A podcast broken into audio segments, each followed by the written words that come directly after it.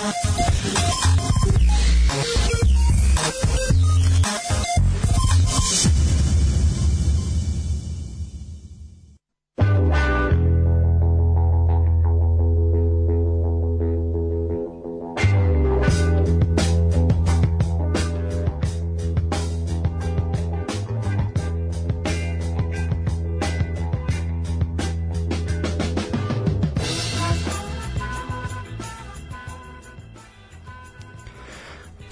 veče, dobroveče i dobrodošli 120. put se družimo ponedeljkom uveče u sportskom pozdravu. Danas e, imamo lepog i onako nama posebno dragog gosta iz posebno dragog kluba.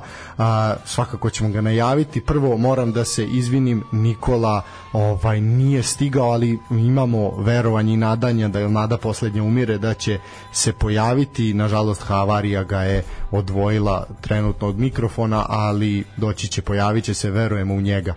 Uh, 120. emisija i eto, negde m, baš onako momenat i bio je, da kažem, ovo je sad naša rođendanska, ovo sad ono što smo, ovo je naš poklon za rođendan koji smo mi želeli, a, a, to, je, a to je neko iz futbolskog kluba TSC iz Bačke Topole, s obzirom da toliko mnogo pričamo o njima, toliko mnogo smo a, ih navodili kao neke ispravne primere kako treba da se a, sve to posloži, kako treba da izgleda i da funkcioniše jedan futbalski klub i kako može da funkcioniše jedan futbalski klub na ovim našim ovaj lepim lepim prostorima, tako da mi je zaista uh, velika čast i posebno zadovoljstvo da predstavim uh, čoveka, uh, njegova funkcija u futbolskom klubu TSC je sportski direktor, u, u pitanju je Sabolč Palađi, gospodine, hvala vam što ste došli, evo ponedeljak, znam da nije omiljen dan nikome, ali eto, odvojili ste vreme da dođete, dođete kod nas i malo da se družite sa nama i da pričamo o našem futbolu.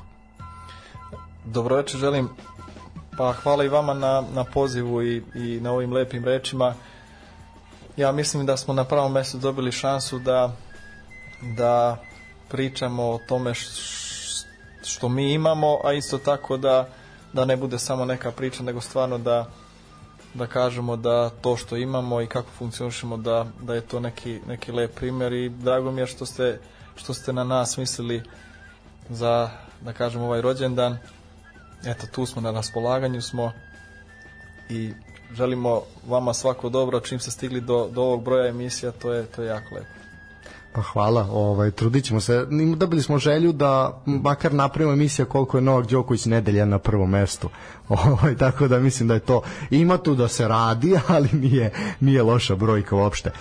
Evo ako stiglo je, stiglo je mnogo pitanja za vas e, u vezi kluba, u vezi sportskog sektora, svega, ovaj, kako sve funkcioniše, ljude zanima, tako da ću ja samo ponoviti broj telefona na koji ljudi mogu da šalju SMS, znači 065 63 jedinice 073 slobodno šaljite šaljite pitanje ja to sve eh, revnosno beležim i u toku emisije ću svakako pročitati sva pitanja i ovaj ima nezgodnih ima onako ima ima zanimljivih pitanja biće biće svak biće preznajavanja ovaj na toj vrućoj vrućoj stolici e sad eh, svakako ćemo se moramo pretrčati ovaj kroz kroz ovo što se dešavalo tokom nedelje, dvomili smo se da li ne, da li da, ali pošto zaista svašta nešto se izdešavalo i onda smo jednostavno morali, ovaj, a i vi ste pristali da funkcionišete tako kako, tačnije da se prilagodite tom sistemu kako mi funkcionišemo, tako da bih ja ovaj otvorio ovaj taj tu Pandorinu kutiju ovih tema koje su se dešavale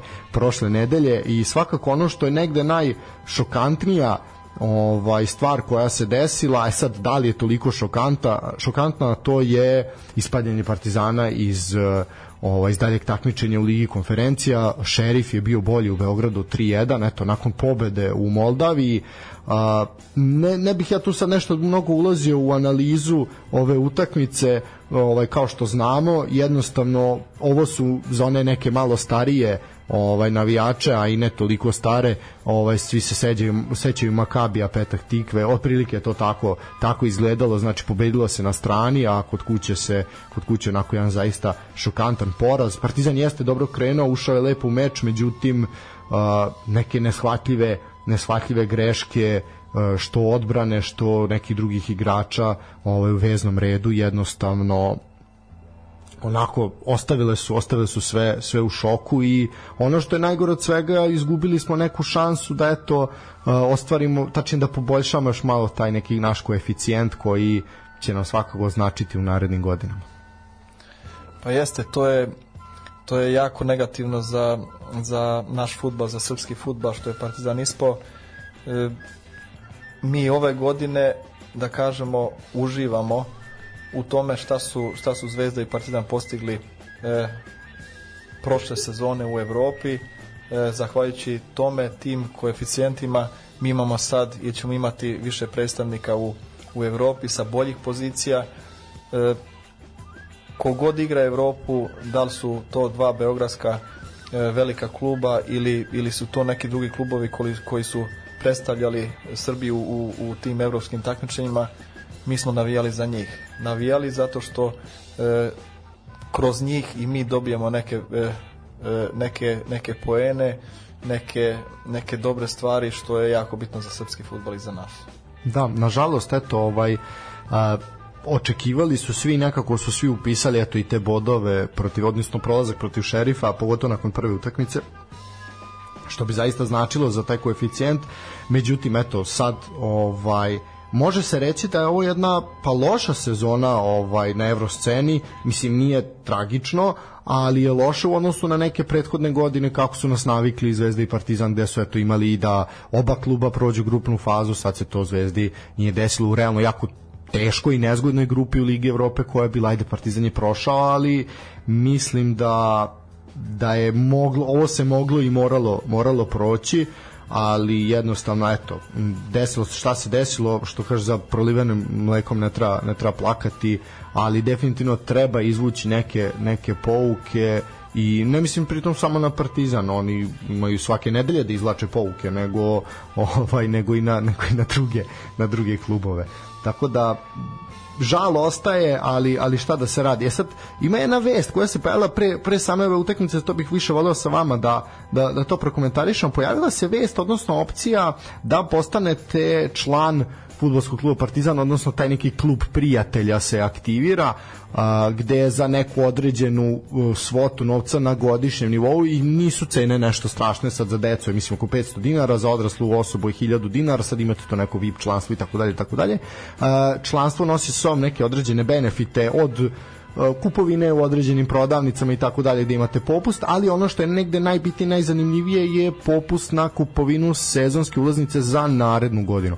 Kako vi gledate na to? Mislim, to je, sad ovo navodim, osim Partizana, to Zvezda je implementirala pretprošle sezone, ove, ove toku ove su najviše to nekako reklamirali. Kako vi gledate na to, na takav jedan potez i koliko nam je to neophodno, da li to zaista ima neke prednosti ovaj, nego, nego sama sezonska ulaznica? TSC ima opciju kupovine sezonske, sezonske ulaznice. Pa vidite, treba mi svi da stignemo svaki klub u Superligi do tog nivoa da da prodaje te sezonske e, ulaznice. Zašto? Zato što mi, mi igramo zbog, zbog publike. E, ne trebamo mi tu ništa izmišljati, to treba pratiti samo velike klubove koji, evropske klubove koji, kod kojih funkcioniše tako da da veliki procenat stadiona je već unapred rasprodan. Da, da, se, e. vlasnici sezonski uglavnom da imaju. Tako je i, i, i na taj način stvarno se e, stvara e, da kažemo, neka ljubav prema klubu koja ide sa generacije na generaciju. Znači, ako je, ako je deda kupio, pa će tata kupiti, na kraju ja kao, kao, kao e, njegov sin ću isto imati. To je neka tradicija koja, koja kod velikih e, evropskih klubova i postoji i to se, to se i radi. Zato i mi treba da, da uvedemo to. E sad, e, na koji način privući publiku, na koji način doći do toga da da oni e, rad uzimaju te, te godišnje karte, to je, to je već način na, na, na koji u stvari koji treba da, da pronađe svaki klub za sebe. Da li to kroz reklamu, kroz, kao što ste rekli, kroz, e, kroz neku kupovinu ili, ili e, mogućnost kupovine za, za, e, za neke jeftine novce u, u nekim radnjama, znači to je već, već stvar marketinga koji mora da funkcioniše u svakom klubu i na tome treba raditi svaki dan, jer ako se ne radi onda, onda, onda ostajemo u mestu, a ne sme se ostati u mestu, treba, treba da dižemo naše klubove, srpski futbal iz dana u dan na, na viši nivo. Pa evo, na primjer, sad koliko mi radimo dve godine ovu emisiju, znači, ovaj, kako to dobro zvuči kad tako kažeš, znaš, kao kad sam ja ovaj, počeo da radim, e, dosta, na primjer, klubova Superlige, na primjer, nije imalo profile na društvenim mrežama I sad, ali sad da već uh, moram pohvaliti TSC zaista koji čiji je na primjer Instagram jako lepo funkcioniše, ovaj ti snimci pa dole sa terena, sve to je onako daje malo malo približi približni približi običnog čoveka ovaj samo svom tom dešavanju. E, na primjer isto Novi Pazar, Voždovac koji i Javor koji su to počeli prvi i tako dalje, ovaj pa i Crvena zvezda koja je ozbiljna ozbiljna mašinerija u svakom smislu te reči. Ovaj jednostavno ja mislim da se napreduje iz dana u dan kao što kažete, sve to ide na neki onako ide polako, pa se, možda se nekad vratimo i neki korak unazad, ali, ali onda napravimo, napravimo onda dva napred i jednostavno moramo pratiti trendove, moramo pratiti ovaj ne samo ne samo ovaj da kažem te neke uglavnom su se uh, gledali jedni na drugi, ali moramo izaći što kažete iz naših okvira. Uh, e sad uh, e, ako smem da pitam, ako imate informaciju koliko TSC ima prodatih sezonskih karata, da li to ima negde? Imamo, imamo, da. E, imamo tu negde oko hiljadu i po prodatih sezonskih. Pre, po pa dobro, to je, to je sasvim da. solidan broj. Na razne delove stadiona, a, svako po, po svojoj nekoj mogućnosti, ali to lepa cifra. Da. E sad, e, ima, odmah je stiglo jedno pitanje koje možemo odmah odgovoriti sad kad smo spomenuli ove te, e, kod vas postoje, e, da kažem, grupne, grupe, odnosno kategorije ulaznica pa tipa imate prvu kategoriju, to su Zvezda i Partizan i Vojvodina, mislim, pa onda ide, ne znam, Čukarički Spartak i tako je sad kako rangirano je po protivniku, pa onda idu ostali i imamo ove VIP, uh, eh, VIP delove. E sad, mnogo ljudi me je pitalo, a moja jeste krivica, to pokazuje se samo loš novinar, ovaj, koji sam bio pet puta na stadionu, a da nisam saznao u čemu je razlika između VIP, eh, pošto imate različite nivoje kao VIP ulaznica, odnosno VIP kategorije. Šta je razlika tačno između VIP bronz, VIP gold i... Ajde prvo da se vratim na, na ove, da kažemo, e, na istok, na te mm -hmm. ulazic, ulaznice e, koje smo rekli da su, da su e, u odnosu na, na protivnika, da smo, da smo mi to e, razdvojili. E sad, e, primer, e, utakmica Zvezda i, i, i, i Partizan to je u toj nekoj prvoj grupi e, mora biti u prvoj grupi zašto? Samo organizaciju utakmice, samo sam e, e, dolazak e, ljudi, koliko očekujemo tako e, u odnosu na to treba da obezbedimo e, naš stav, e, koliko će biti E, Šankov otvornik. Znači, to, to sve zavisi od, od e, e, te kategor, kategorije. Znači, napravili smo prvu kategoriju gde su Zvezda i Partizan, drugu kategoriju gde su Čukarički Vojvodina i Spartak. Vojvodina Spartak jer tu dolazi taj broj ili sličan broj gledalaca i onda, onda imamo i, i utakmice gde, gde je slabija posvećenost kad su neke slabije ekipe u pitanju, u stvari neke druge ekipe gde, manje atraktivne, ajde da, da manje kažem. atraktivne e, gde ne dolazi, e, ne, ne dovode e, navijače isto tako radimo na, na tome i na tim utajmicama da, da mi popunimo e, mesta znači od toga zavisi e, od tih kategorija zavisi cena ulaznica što se tiče tog nekog VIP dela e, u tom VIP-u imamo 900 mesta znači Razlika je u tome VIP Gold. E, e, jeste malo skuplja ulaznica od, od e, tih silvera ili od, od, od bronze zato što u tom goldu e, znači sama, sama e, sedeća mesta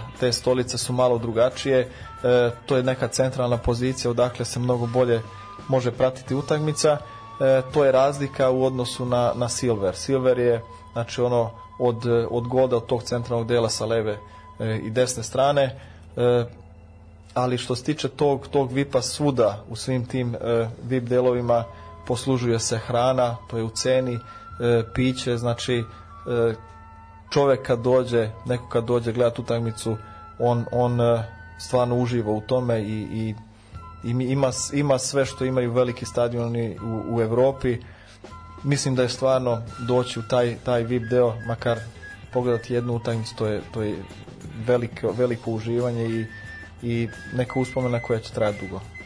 Mi smo ovde imali, ovaj, bili su nam određeni gosti, to je naš dragi, naš dragi Strahinja ovaj, iz Jež izdavaštva, ovaj, inače popusti su još uvek na, na Jež RS, tako da otrčite tamo, ovaj dok nas slušate zaista ima a, jako lepih izdanja, jako lepih naslova, a sad ovaj još uvek traje februarski februarski popust još danas i sutra, tako da ovaj potrčite i zaista nešto nešto kvalitetno možete sebi sebi ili nekome nekome drugom kupiti i mi smo tu imali malo pogađanje uvezano za svetsko prvenstvo šta kako ovaj međutim pošto sam ja promašio a oni su bili pogodili tako da je bila opkla da je bila da ih moram voditi na u vašu VIP sektor na, na stadionu u Topoli, tako da, eto, ovaj, ništa, dogovorit ćemo se za neki popust onog komisiona prodaje, pošto nas dolazi grupna, grupna posjeta će biti, tako da nešto ćemo se dogovoriti nakon, nakon svega.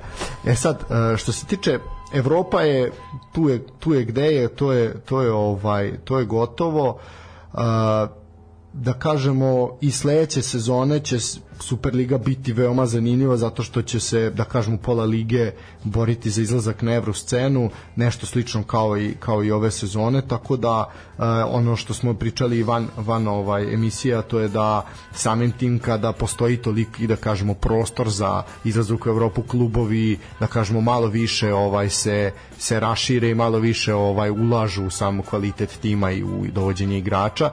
Tako da evo i sledeće sezone to imamo, a e, sad se da kao što se kaže na vama je da nam to obezbedite i za za onu narodnu godinu mislim kao kao klubove jer mislim da je ovo zaista jedna lepa prilika da podignemo našu ligu na jedan, na jedan viši nivo. Bilo bi zaista šteta da na primjer kao HNL što to nije iskoristio kada su tu sezonu imali dva predstavnika u, na putu tu za ligu šampiona.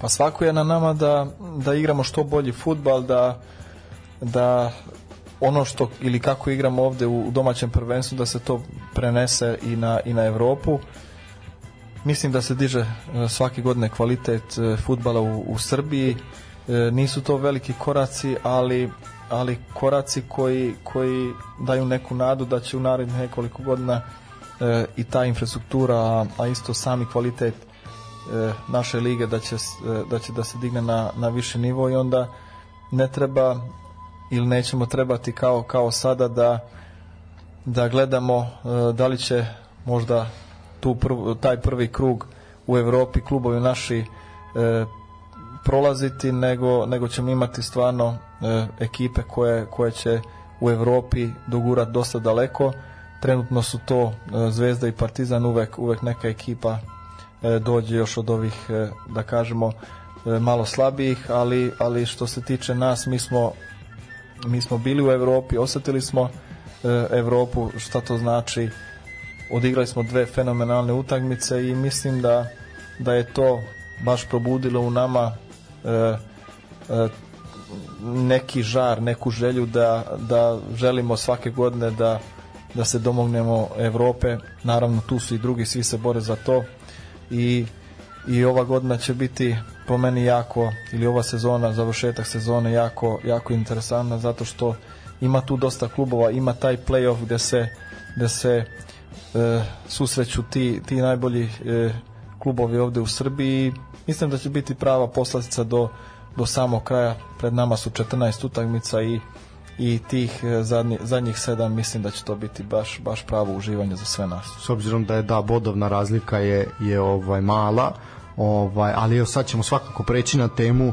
ovaj, onoga što se dešavalo od četvrtka do evo ponedeljka a, kratko ćemo samo znači, pročitati rezultate pa ćemo osvrnuti se i kratko na, na svaku utakmicu počelo je u četvrtak pre same utakmice na stadionu Partizana i Elove Evropske. Odigrana su dva duela u Superligi Srbije u okviru 23. kola. Napredak je pobedio radnički iz Niša sa 2-0, Voždovac Mladost 1-1, Vojvodina Radnik 1-1, Čukarički Kolubara 3-0, Javor Crvena zvezda 0-2 i TSC Spartak 2-2. To ćemo posebno pričati o tome. Novi Pazar Gati 1-0 i danas je završeno od 14 časova Partizan i Radnik radnički su igrali, radnički iz Kragujevca i bilo je 1-1. E sad, što se tiče utakmice napretka i radničkog iz Niša, posle više od 4 meseca napredak je pobedio, sa novim trenerom Draganom Perišićem savladali su velikog rivala iz Niša koji je eto u nekoj krizi igre rezultata ono što je bio napredak do ove do ove pobede eto nisu postigli ni jedan gol u poslednja tri, u poslednja tri kola, to važi za Nišlije. A, imali smo i dva dva crvena kartona, a, to je bilo i u prvom duelu ove dve ekipe, znači po jedan sa obe strane. A, onako zaista a, nisam očekivao prvo da će napredak ovako lako dobiti, a zaista onako delovalo da je to bilo poprilično poprilično lako. Šarić je u 55. doneo prednost za 1-0 sa penala i na kraju Nebojša Bastajić za 2-0 u 66. Nenad Lalatović je opet imao izjavu neku u svom stilu gde je rekao da nije želeo da vodi utakmicu na način koji inače vodi. To su neki moji razlozi, znaju to ljudi iz kluba kada neke stvari znam unapred, ja i ne želim da vodim utakmicu, ali to se nemam uh, za sebe i ljude iz kluba i opet je tako ovom izjavom onako zapalio zapalio javnost i opet je malo podigao neku, neku velo sumnje nad da kažem, neku regularnost takmičenja. Kako vi ovaj gledate na to što radi Nenad Lalatović? Kakvi su vaši utisci o tome? Da li je to dobro, nije dobro? Da li to dugoročno ostavlja posledice? Ma znate kako, svaki, svaki trener ima neki svoj, svoj stil. E, svaki trener je učio od nekoga ili od nekih trenera, pa je on e, sebi izgradio neki, neki stil vođenja ekipe, pripreme za utakmicu, e, neki su mirnik, pa kad dođu na, na e, teren, kad je, kad je utakmica, onda, onda da kažem malo drugačije, energičnije e, funkcionišu. on je izabrao taj put, to je njegov put, on misli na taj način postići rezultat sa svojom ekipom, uspeva da utiče na, na svoje igrače, E, ti komentari da su potrebni, nisu potrebni, ja mislim to, to svaki trener treba da, da e, bude svestan toga ako, ako možda nekim da li izjavama, da li ponašanjem na, e, prema službenim licima na, na terenu, kao što i igrači, e, onda, onda treba da su spremni na to da će biti sankcionisani. E, on je takav e, energičan tip trenera, e, koji, koji je, kažem, još jednom izabrao taj put. E, on je postizao sa nekim ekipama dobre rezultate, negde nije, nije toliko uspeo da, da utiče na, na, na njegovu ekipu, ali vidite, svako, svako neka na svoj način vodi, vodi e, brigu o svojoj ekipi. E, nismo svi isti, ima, ima trenera koji, koji prećute svih 90 minuta, E, što kažu mnogi, e, to su treneri koji su, koji su na terenu odradili, na treninzima odradili sve sa, sa igračima, znači igrači čitaju njegove misli, sve, sve to ide kako treba. Ima trenera koji, koji svoju energiju prenose na, na ekipu što dodaje neki plus na ono što su oni odradili na trenzima e, neko je miran neko je, neko je malo energičniji to je to, to je njihov put e, kako gledam na, na njega, vidite, ja svakog trenera cenim i poštujem, svako ima svoj neki, neki kvalitet. E, bitno je ko je u kom klubu šta stavio na sto, da li je postigo sa, sa tim igračkim kadrom e, dobre rezultate i mislim da, da treneri kao kolege ipak treba da, da cene jedan drugoga na terenu, utakmica i utakmica, čim se završi to treba pružiti ruku i ići dalje.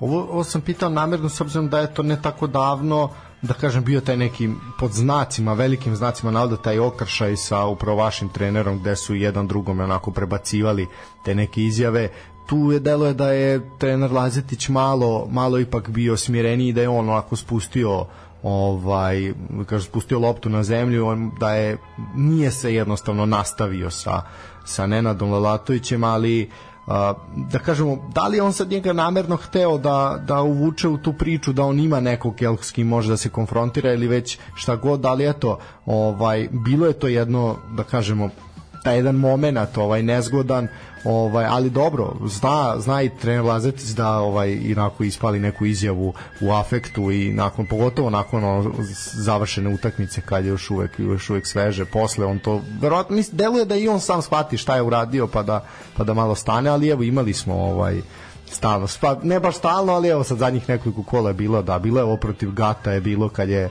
onako, baš je to, bilo je simpatično, mi smo dokumentaciji kao, pao mu je kamen sa srcem da rekao, ovo je teren bio katastrofa, ono, niš nije valjalo, ovo, ovaj, ali kao sad kad smo pobedili, sad mogu i opriča za var i, i tako dalje, i tako dalje.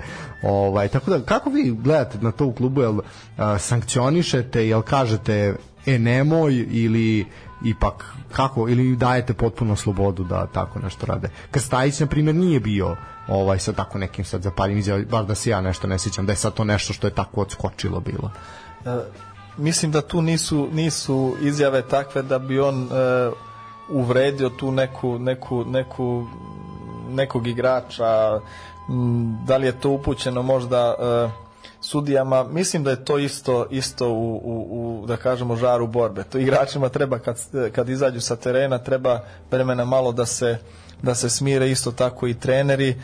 Neko, neko to tih 90 minuta plus ili pre i posle e, što sledi te izjave, to, to neko e, onako govori smireno, nekoga još, još drže neke, neke emocije e, svako ima neki, neki, svaki trener ima neki svoj pogled na, na tu utakmicu e, možda se nekome, nekome ne sviđa to e, kako su možda e, ljudi u žutom ili crnom kako kažu sudije da, da, su, da su odsudili utakmicu ne znam, ja, ja cenim kakav je on, kakav je, kakav je stručnjak, stručnjak e, kakav je on, koju energiju e, prenosi prenosi na ekipu, eh, a s druge strane možemo slobodno reći mi kao klub da, da li eh, sankcionišemo, ima tu futbalski savez koji, koji i kod njega i kod, ako smo spomenuli već gospodina Lalatovića, eh, da je futbalski savez izrekao neke, neke sankcije, znači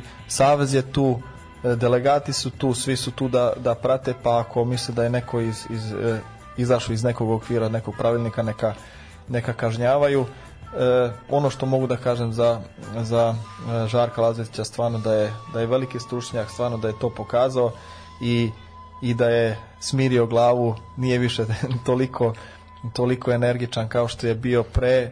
E, mislim da i, i kod njega dolazi e, još neko, neko veće iskustvo e, u tom nekom trenerskom poslu i, i na dobrom je put da postane veliki trener.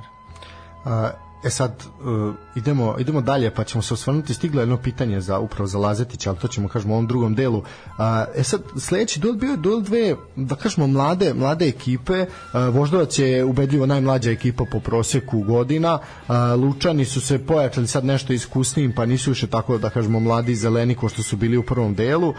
E sad, što se tiče ove utakmice završena 1-1, Voždovac je imao veći posed, imao je inicijativu, imali su i više udaraca ka golu, generalno podelom bodova svakako su Lučani su Lučani zadovoljniji Adamović je postigao prvi pogodak Nešković je, je izjednačio u 68. minutu ne, Mladost nema još uvek ovaj, ni jednu pobedu u nastavku sezone to vezali su dva, dva remija a Voždovcu isto, da kažem, ne cvetaju ruže, to bez triumfa u prethodna tri kola, ali da kažem, oni su na toj nekoj komotnoj poziciji na tabeli, ali svakako znamo da su njihove ambicije da budu, da budu, da budu negde iznad. E sad, e, navodim tu mladu ekipu Voždovca kao, eto, isto jedan klub koji ima jedan sistem funkcionisanja, koji, da kažem, već su nas se negde etablirali, već ljudi ih prepoznaju po svemu tome.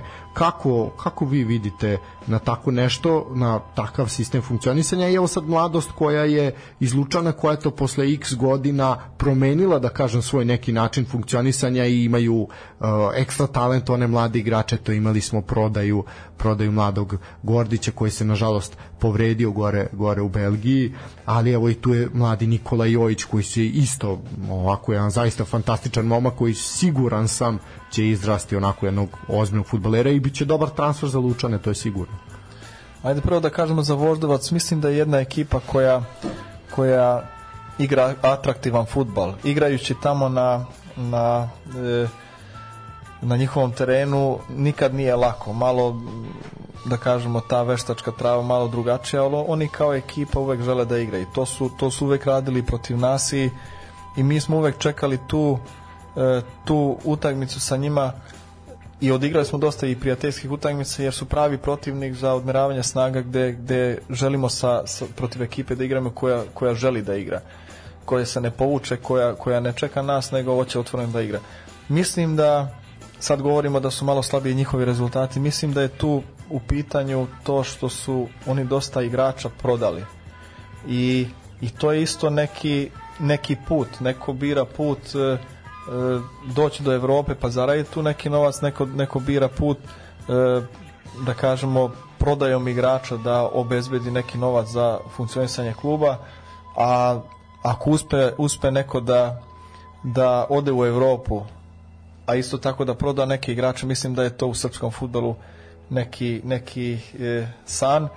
E, mi, mi se trudimo da, da uspemo na taj način doći do, do e, plus novca E, što se tiče Lučana, e, treba uzeti u obzir e, jeste, to je svakako za, za pohvalu što, što stvaraju, što skautiraju jako dobre mlade igrače i, i od njih napravi igrače koji su koji su veći prodati. Ja mislim da imaju još tamo igrača koji, koji su na dobrom putu da budu da. prodani u, u neke e, evropske klubove. E, treba pogledati ko je, ko je u toj njihovoj ekipi E, davo te golove, a koga, bez koga su e, ostali. Znači, na, na opet Bojevića, jedna, da mislim. Da. Tako je, da. E, opet neki, neki, neki igrač, neki strelac koji je, koji je davao golove i, i donosio pobede. Sad, bez njega izgleda da treba malo vremena da se oni naviknu igrati možda malo drugačije. E, inače, inače jedan klub koji koji isto tako zaslužuje respekt, mi smo uvek e, da kažem onako teško izlazili sa, sa njima na kraj jest da smo, da smo e, bilo je tako da smo ih podbedili većom razlikom, ali je pa su uvek bili nezgodan protivnik. A, da, e sad ovo što ste rekli, Bojović jeste otišao, došao je baš vaš bivši igrač, došao je Silađi, i, ovaj, Vladimir je, je došao dole, on je već i u prošlom kolu ovaj, uh, ušao, ušao u igru, e sad naravno potrebno je, potrebno je vreme i sve, ali ajde da kažemo da ta prodaja nije bila toliko ovaj da kažem neplanska našli su našli su neko da kažem zamensko rešenje sad videćemo koliko će Vladimir uspeti da dole se da dole se snađe i koliko će mu vremena zapravo trebati da se da se snađe i da da zameni Bojevića mada zameniti Bojevića i nije i nije tako lako. Šta mislite o tome, o tom rekordu koji Bojović postavlja, odnosno kao najbolji strelac Superlige svih vremena, da tako mnogo golova, a kada se pogleda njegov rezime, uz dužno poštovanje svim klubima, ali nije igrao za najveće klubove ovaj, u državi igrao je za Jagodinu pretežno, Lučani, ajde bio je malo i u Vojvodini. Kako, kako, koliko vam realno, odnosno nerealno deluje tako nešto što je postigao? S obzirom da ste igrali futbal, znate koliko je to teško zapravo. E Pa mislim da je ovo možda, možda i teži put. Da neko, u stvari da je on išao težim putem pa je, pa je postigao ovako lepe rezultate. E, igrač koga treba, treba stvarno ceniti, nije igra u, u, u tim velikim klubovima, ali, ali opet e, izgleda da je njemu ta njegova sredina odgovarala, pa je on redovno davao te golove. Mislim da je to za svaku pohvalu, bilo da, je, da se radi o igraču nekog velikog kluba ili, u igraču e, Lučana koji, koji da kažemo nisu sad e, tu u, u vrhu e, tabele svakako je za pohvalu i, i ja svakako mogu da mu čestitam samo na, na tome da je u, u tako da kažemo manje, manjoj ekipi, manjoj sredini mogao da postigne toliko golova naredni meč koji je koji se odigrao završen identičnim rezultatom, a to je iz, meč između Vojvodine i Radnika, meč koji je odigran u petak od 16 časova i tu smo imali, da kažem, prvi u nizu bojkota navijača u ovom kolu. A, navijači su i na severnoj, a na istočnoj tribini Karađorđa istakli transparent da oni jednostavno ne žele da prisustvuje u takvim terminima a, kada se igra, kažemo, radnim danom.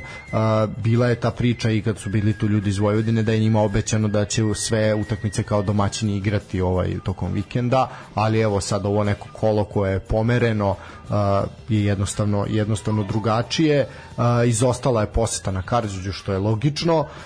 Što se tiče same utakmice, je da je Vojvodina prosula bodove ponovo protiv Radnika, eto ni u prvom, prvom susretu ih nisu pobedili bilo je zaista mnogo radnik jeste poveo ne, neverovatna greška Mamadu Traorea kojeg smo toliko hvalili čovek je zaista bio onako konstantan ali je napravio jednu glupost Danovski je postigao pogodak Čumić je izjednačio nakon onako jedne kombinacije nakon kornera gde je više igrača prebacivalo se jedne na drugu stativu loptu glavom da bi na kraju Čumica onako gol ubacio tu loptu u mrežu e, i onda su imali i penal domaći nažalost e, nisu ga realizovali odnosno na sreću a, gostio iz Surdulice i onda je Ranđelović imao onako a, dve zaista odlične odlične reakcije prvo kod tog penala, a posle još i kod kod jednog udarca i treba pohvaliti Stojanovića momka kako je izbacio bukvalno loptu sa sa gol linije i eto sačuvali su sačuvali su o, taj bod a, Rastavac je napustio Vojvodinu o, moram priznati malo sam iznenađen nisam očekivao ovaj da će Dragoljub Zbilić, opšte i upravni odbor Fudbalskog kluba Vojvodina imati tako malo strpljenja sa njim, ali eto, možda oni, možda oni bolje znaju šta i kako. Imenovanje Radoslav Batak, videćemo kako će to izgledati i da li, baš sam to, to sam i u priči s ljudima i to sam objavio na društvenim mrežama negde, a verujem da ćete se složiti sa mnom, vidjet ćemo zapravo prava ocena rada Milana Rastavca će doći nakon nekog perioda koji, kada Batak je sad odigra, to tačnije kad bude predvodio ovaj, na nekoliko utakmica, pa onda kad se podvuče crta da vidimo koliko će to zapravo drugačije, drugačije biti, da li će biti nekog pomaka u samoj igri kako vi gledate na to s obzirom da je Vojvodina vaš konkurent za za da kažemo tu neku treću poziciju za izlazak u Evropu? Pa Vojvodina je svake godine konkurent za, za Evropu i jako cenim ja e, taj klub.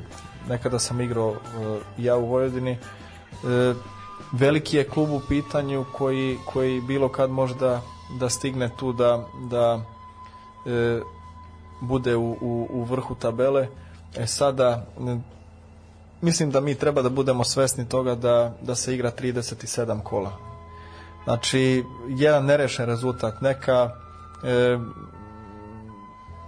neka utakmica koju, koju su izgubili možda i nesretno, kao što se ovde, ovde desilo, to, to možda se desi. Mislim da nemamo dovoljno strpljenja sa, u Srbiji sa, sa trenerima. E, diktira Evropa, izlazak u Evropu e, možda možda ne dozvoljava toliko kikseva da kažemo da, da jedna ekipa napravi e, mislim da je, da je Rastavac e, dobro radio, mislim da je neki trener kome, kome stvarno treba treba malo više vremena e, ali što se tiče same, same promene e, stigao je Batak e, mislim da, da ako već u toku prvenstva neka ekipa menja, menja trenera, ta promena treba da bude da, da dođe trener iz, iz, iz naše lige, e, trener koji poznaje već e, našu ligu, naše ekipe, kako to funkcioniše, s obzirom da ima još samo 14 e, kola do kraja. A isto tako pokazuje kvalitet lige ako jer to je pravi pokazatelj ako, ako i one ekipe koje su na dnu tabele mogu da pariraju ekipama koje, e, koje su gore u, u, u vrhu. E, ja bih volao da svaka utakmica i, i, i te ekipe koje na, na 16. i 15. poziciji e, protiv nekih koji su, koji su gore da bude, bude otvorena, da bude, e, bude isto tako za uživanje i, i, i samim tim mislim stvarno da se diže kvalitet e, lige u Srbiji jer, jer eh, nije lako dobiti ni Surdulicu, ni Mladozgat, ni Lučane. Ja bih volio stvarno da, da u svakom kolu imamo, imamo ovakve utakmice, ovakve rezultate, bez obzira i mi što smo igrali protiv Spartaka nerešeno. Doći ćemo to do je, toga, to, o tome ćemo pričati. Da, to, to je futbol i to, je, to daje neki, neki draž. Ne može jedna ekipa da izgura e, tih 37 kola bez e, Bez nekog kiksa, da. Bez nekog kiksa, kiksevi su e, deo, deo e, fudbala i treba učiti iz njih da bi možda ta sledeća utakmica priprema bila drugačija. Treba napomenuti da je Vojvodina tim sa najviše remija u ligi, čak 9 su ih odigrali i zanimljivo je da 7 od tih devet je rezultat 1:1. Znači to onako malo malo ovaj Mm, eto, zanimljivo. Uh, jeste, dva puta je remizirao sa Radnikom, sa Lučanima i sa Spartakom, mislim da mu se to najviše zamera.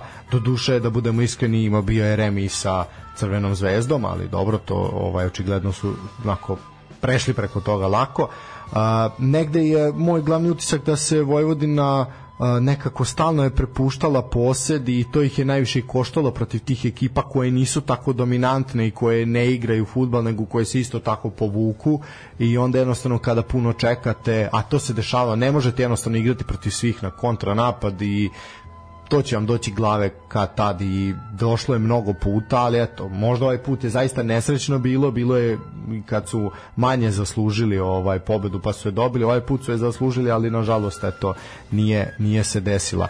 Uh, nastavit ćemo da pričamo, pričamo o, imam zanimljivih nekih pitanja, zanima, zanima je zapravo vaši stavovi sad o, o ovom što ste pričali, što smo krenuli, priču o sistemu takmičenja i tako dalje, pa ćemo se nastaviti sa komentarisanjem ostalih mečeva i naravno čitanjem pitanje publike. Nikola, je, Nikola se javio da je ispred, tako da ćemo pustiti, pustiti ovaj, jednu pesmu, samo da nam se Nikola ovaj popne gore i onda se vraćam u program, tako da eto i vama prilike malo. Čovjek se preznojava ovde, nije mu ovo ovako, nije bilo ni kod Zeke milionera da, ovaj, mislim, no ne originalno, ne ovo što snimalo u Bugarskoj, to, to ne priznajemo.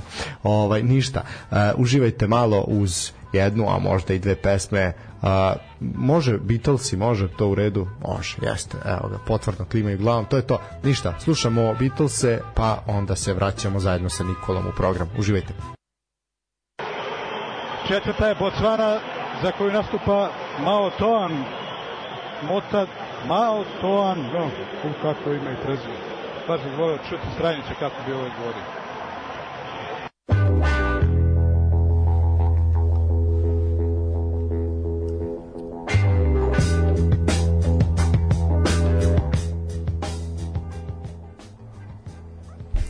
E, vraćamo se, vraćamo se nakon dve pesme, bili su to Beatlesi i bio je Iggy Pop a, sa potpuno novom pesmom, eto, a rekli bi neki kao da je sklepana 80. godina. A, mi smo predahnuli, a Nikola nam se pridružio. Dobroveče. Dobro večer, poštovani slušaoci. Moje veliko zadovoljstvo. Prvo, žal što sam prinudno zakasnio baš danas, jer mi je veliko zadovoljstvo što je naš gost e, ovde sa nama I zašto mi je drago? Prvo zbog e, načina na koji taj klub, taj klub funkcioniše u poslednje vreme, a drugo zato što kad, e, to je zanimljivo, kada, se, kada dođe do neke krize u klubu, osim del trenera i igrača, uloga sportskog direktora, o kojoj ljudi generalno malo znaju, e, dolazi isto tako na, na sportski direktor je na udaru zato što eto ma nije kao trener pravio tim to je ovaj direktor pa se traže ostavke i to Srećem, ovaj, nisam primetio još da se go suočio sa tim za sada, ali bilo, a bilo takvih Jel bilo momenta? onako da neko da je krivio vas, da ste vi o, a ne trenera recimo, da ste u nekoj ne, mogu da kažem kod nas ovako u klubu drugačije funkcioniše, pa možda možda A nemate taj Ivica Ilijev moment, jel to, to nema. E, mi smo više onako znači klub koji koji daje maksimalnu podršku treneru naravno do momenta dok, dok to funkcioniše kako treba e, trener je uključen u, u dovođenje igrača ima svoje neke želje mi smo ti koji ćemo reći da li to može ili ne može ali nekako da se vratimo na pokojnog e, Saboa isto tako i i Žarko Lazetić, oni, on, on, on diše sa nama. Znači, mi svaki dan razgovaramo, svaki dan nekako izgleda da, da ti razgovori, kao što je u porodici, ti razgovori nekako e, utiču na to da, da funkcionišemo kako, kako treba. Svako skrećemo jedan drugome pažnju na, na to. Ja do sada nisam, nisam, eto mogu da kažem, sa gospodinom Žemberijem koji je naš predsednik kluba e, od 2005. godine e, kao ja sportski direktor, a on, on kao predsednik kluba funkcionišemo do sada onako bez, bez problema. Nisam imao još situaciju, a ne znam da li je, da li je još neko... E, tako mlad počeo i da je dan danas u istom klubu, da isto funkcioniše sa istim ljudima, e, ko zna možda dođe jednog dana i taj moment. Svakako lep primer svakako lep primer, da. A, e sad e, mi smo mi smo ovaj krenuli krenuli priču, ovaj sad nam se na, Nikola priključio, ali e, dok se nismo napravili tu prinudnu pauzu, pričali smo o tim kiksevima koji su neminovni tokom sezone i da se to svakom dešava i da su ljudi, nažalost naši klubovi nemaju tolerancije i nemaju strpljenja za trenere da izguraju takve neke stvari. E, rekli ste i sami 37 kola je 37 utakmica je puno utakmica. Da li mislite da smo zreli za skraćenje lige ili imamo previše klubova, previše utakmica, manje, koliko bi bilo optimalno, kakvi su vaši stavovi razmišljanja na tu temu? Imamo primer e, od naših suseda, primer u Mađarskoj gde, gde je kraća liga, gde nekako dobijamo, stvari ajde ovako da kažem šta je po meni e, da kažem ne, ne, prednost e, prednost te, te lige kad je, kad je kraća. Prednost je u tome što, što je stvarno svaka utakmica da kažemo onako na nož. Znači to je, to je jedno, jedno prvenstvo u kojoj ako se ako se izgube e, dve utakmice za redom, to je, to je klub u problemu jer se već bori za opstanak. Isto tako ako se, ako se povežu pobede, mogu da se nađu tu za, za neku borbu za Evropu. E, to je jako dobro, e, svaka utakmica je biti ili ne biti, ja mislim da tako, tako e, što se tiče tog nekog, nekog trenerskog dela to nije baš tako, tako sjajno jer, jer kad, kad se nema strpljenja sa, sa trenerom onda tu jako brzo lete glave. Kod nas e, liga kao liga da kažem ajde imamo 16 ekipa e, nije loše što smo polako došli do toga da, da ipak ipak nije loš kvalitet lige a da su gradovi prisutni. Znači, pre je bio problem što, što neke regije nisu bile prisutne u Superligi, sad jesu. Znači, sad je na nama, sad je na tim klubovima koji, koji obuhvataju neku regiju da, da tamo u toj regiji rade kako treba, da to bud, oni budu neki nosioci e, tog regionalnog futbala i, i onda da, da stvarno imamo po celoj, celoj Srbiji E, jake ekipe u Superligi mm, da kažemo ja sad trenutno ne bi, ne bi skratio ligu e, uticao bi na one ekipe koje, koje treba da dođu iz, iz e, gore iz prve lige Srbije a već je počelo prilikom tog licenciranja znači da, da stignu sa, sa nekim e, minimalnim uslovima koji su potrebni za Superligu govorimo o terenima govorimo o, o objektu jer onda tek, tek dobijamo i one koji dolaze gore da su kvalitetni, da mogu da doprinesu još kvalitetnijem futbolu Superligi. Jasno, a recite mi znači sad ovo, pošto imamo recimo primer i u Hrvatskoj gde imaju samo jednu utakmicu manje nego mi imaju 36 kola, četvorokružni sistem ali 10 ekipa. Da li mislite da je, da je previše utakmica pošto niste za hrećenje lige? Onda da li, da li ste možda protiv play-offa ili mislite da je 37 utakmica uh, dobro zbog navikavanja na modern futbol, jer to je neki broj utakmica koji igra, se igra u većini liga. Da kažemo najregularnije kad se, kad se odigra ja jednom u, u gostima, pa posle posle ugostim tu ekipu. Znači, to bi bilo ono naj, najregularnije, da, da kažemo, to je tri, 30 kola, 15, 15 utajmica 15 strani, 15 kući, to bi bilo, da kažemo, ono, ono naj, naj, naj. E sad, e, play-off, play-out. E, play-off, e, e, tu su utakmice već onako dirigovane. Znači određeno da li igra prvi sa drugim, treći sa četvrtim kako, kako dođe, pa tih 7 kola. E, e tu vidim da, da, da možda a da ne pričamo o tome kad su, kad su smanjivali bodove na 50%, to je, to je po meni bila e, bilo loše namešteno. Sad ovako e, daje neku, neku slast futbalu, daje, daje nešto tih sedam kola opet da se, da se susretnu, govorimo o playoffu najbolje ekipe, e, to onako daje, daje nešto što, što da je stvarno svaka utakmica biti ili ne biti. E, da li je to dobro, nije dobro, ne znam. Ja sam ono da imamo kvalitetnu ligu, makar bilo i 16 ekipa, kvalitetnih ekipa, da se odigra onda onda znači e, 15 e, kola da smo na strani, 15 kola da smo kući. Po meni to bi bilo on, a za to treba stvarno, stvarno kvalitet svih učesnika. E sad možemo, možemo na prvo pitanje, ovaj sad kad smo već na ovoj temi da dotakli se kratko Vojvodina ima pitanje za tebe Nikola. A, kaže ovako, sviđa mi se što se Vojvodina okrenula svojim ljudima posle Rastavca, doveli su još jednog bivšeg igrača i trenera Radoslava Bataka koliko on može sa ovom ekipom, njegova zamisao futbala je drugačija, a da li Vojvodina ima takve igrače koji, koji mogu to da isprate? Ajde u kratkim crtama. Vojvodina može i verujem da će se složiti gost da ima veoma interesantan igrački kadar.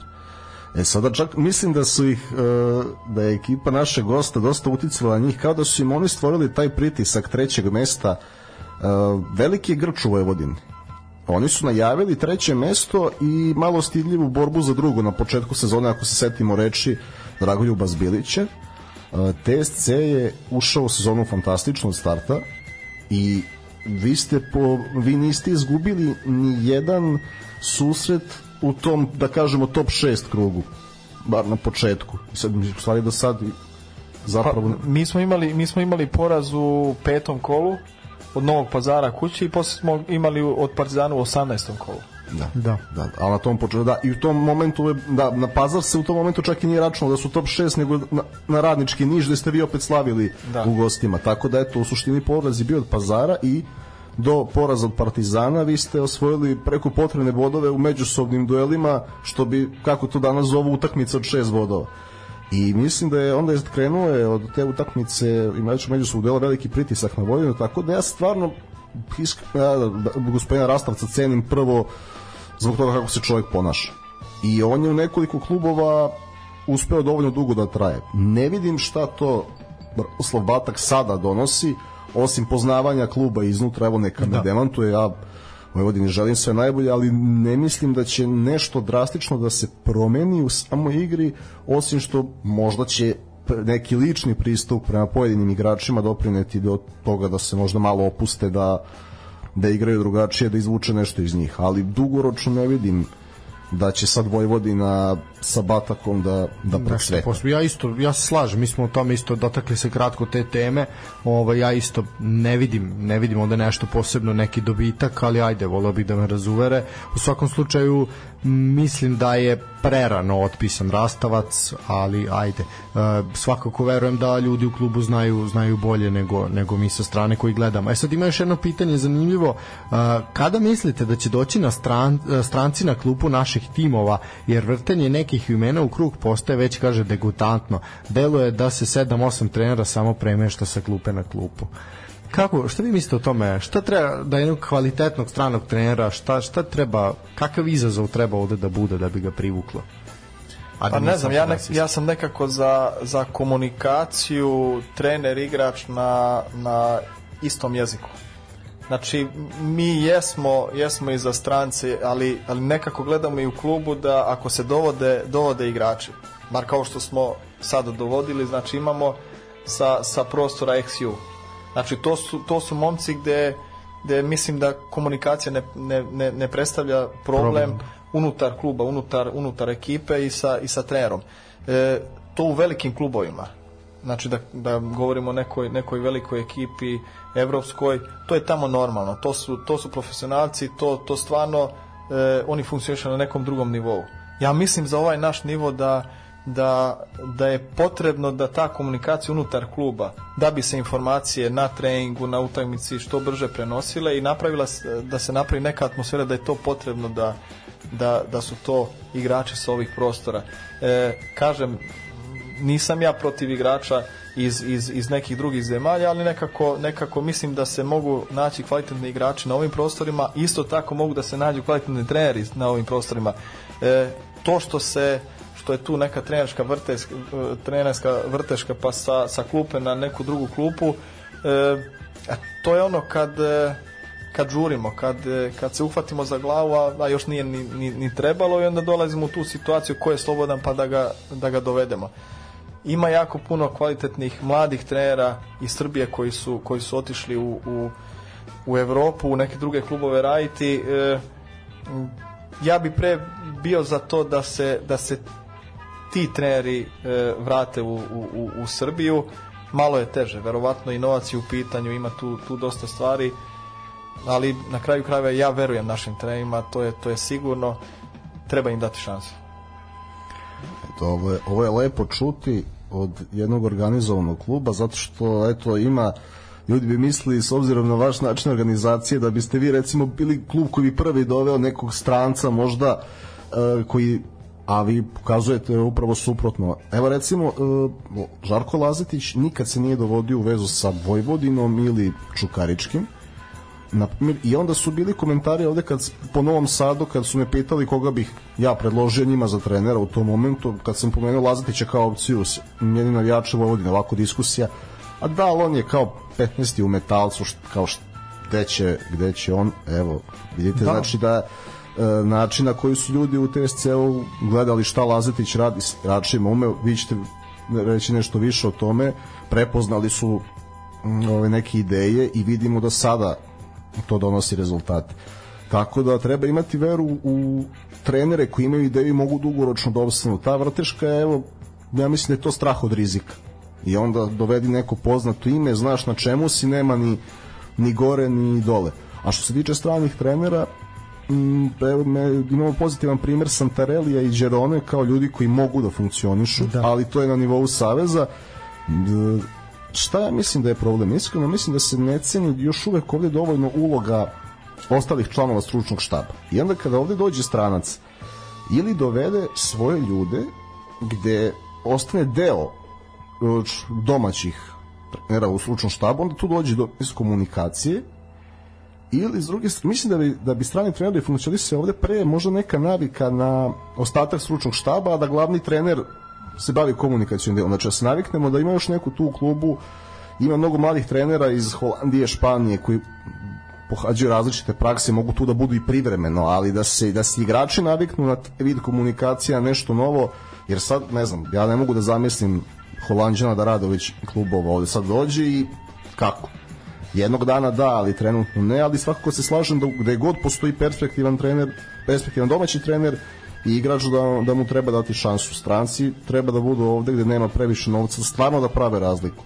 E sad, ovo smo bili pokrenuli sa, ovaj, sa ovom pričom, to smo rekli da ćemo nakon što tebe uključimo, a, kako je vaš, vaš stav o ovim terminima tokom radnog dana?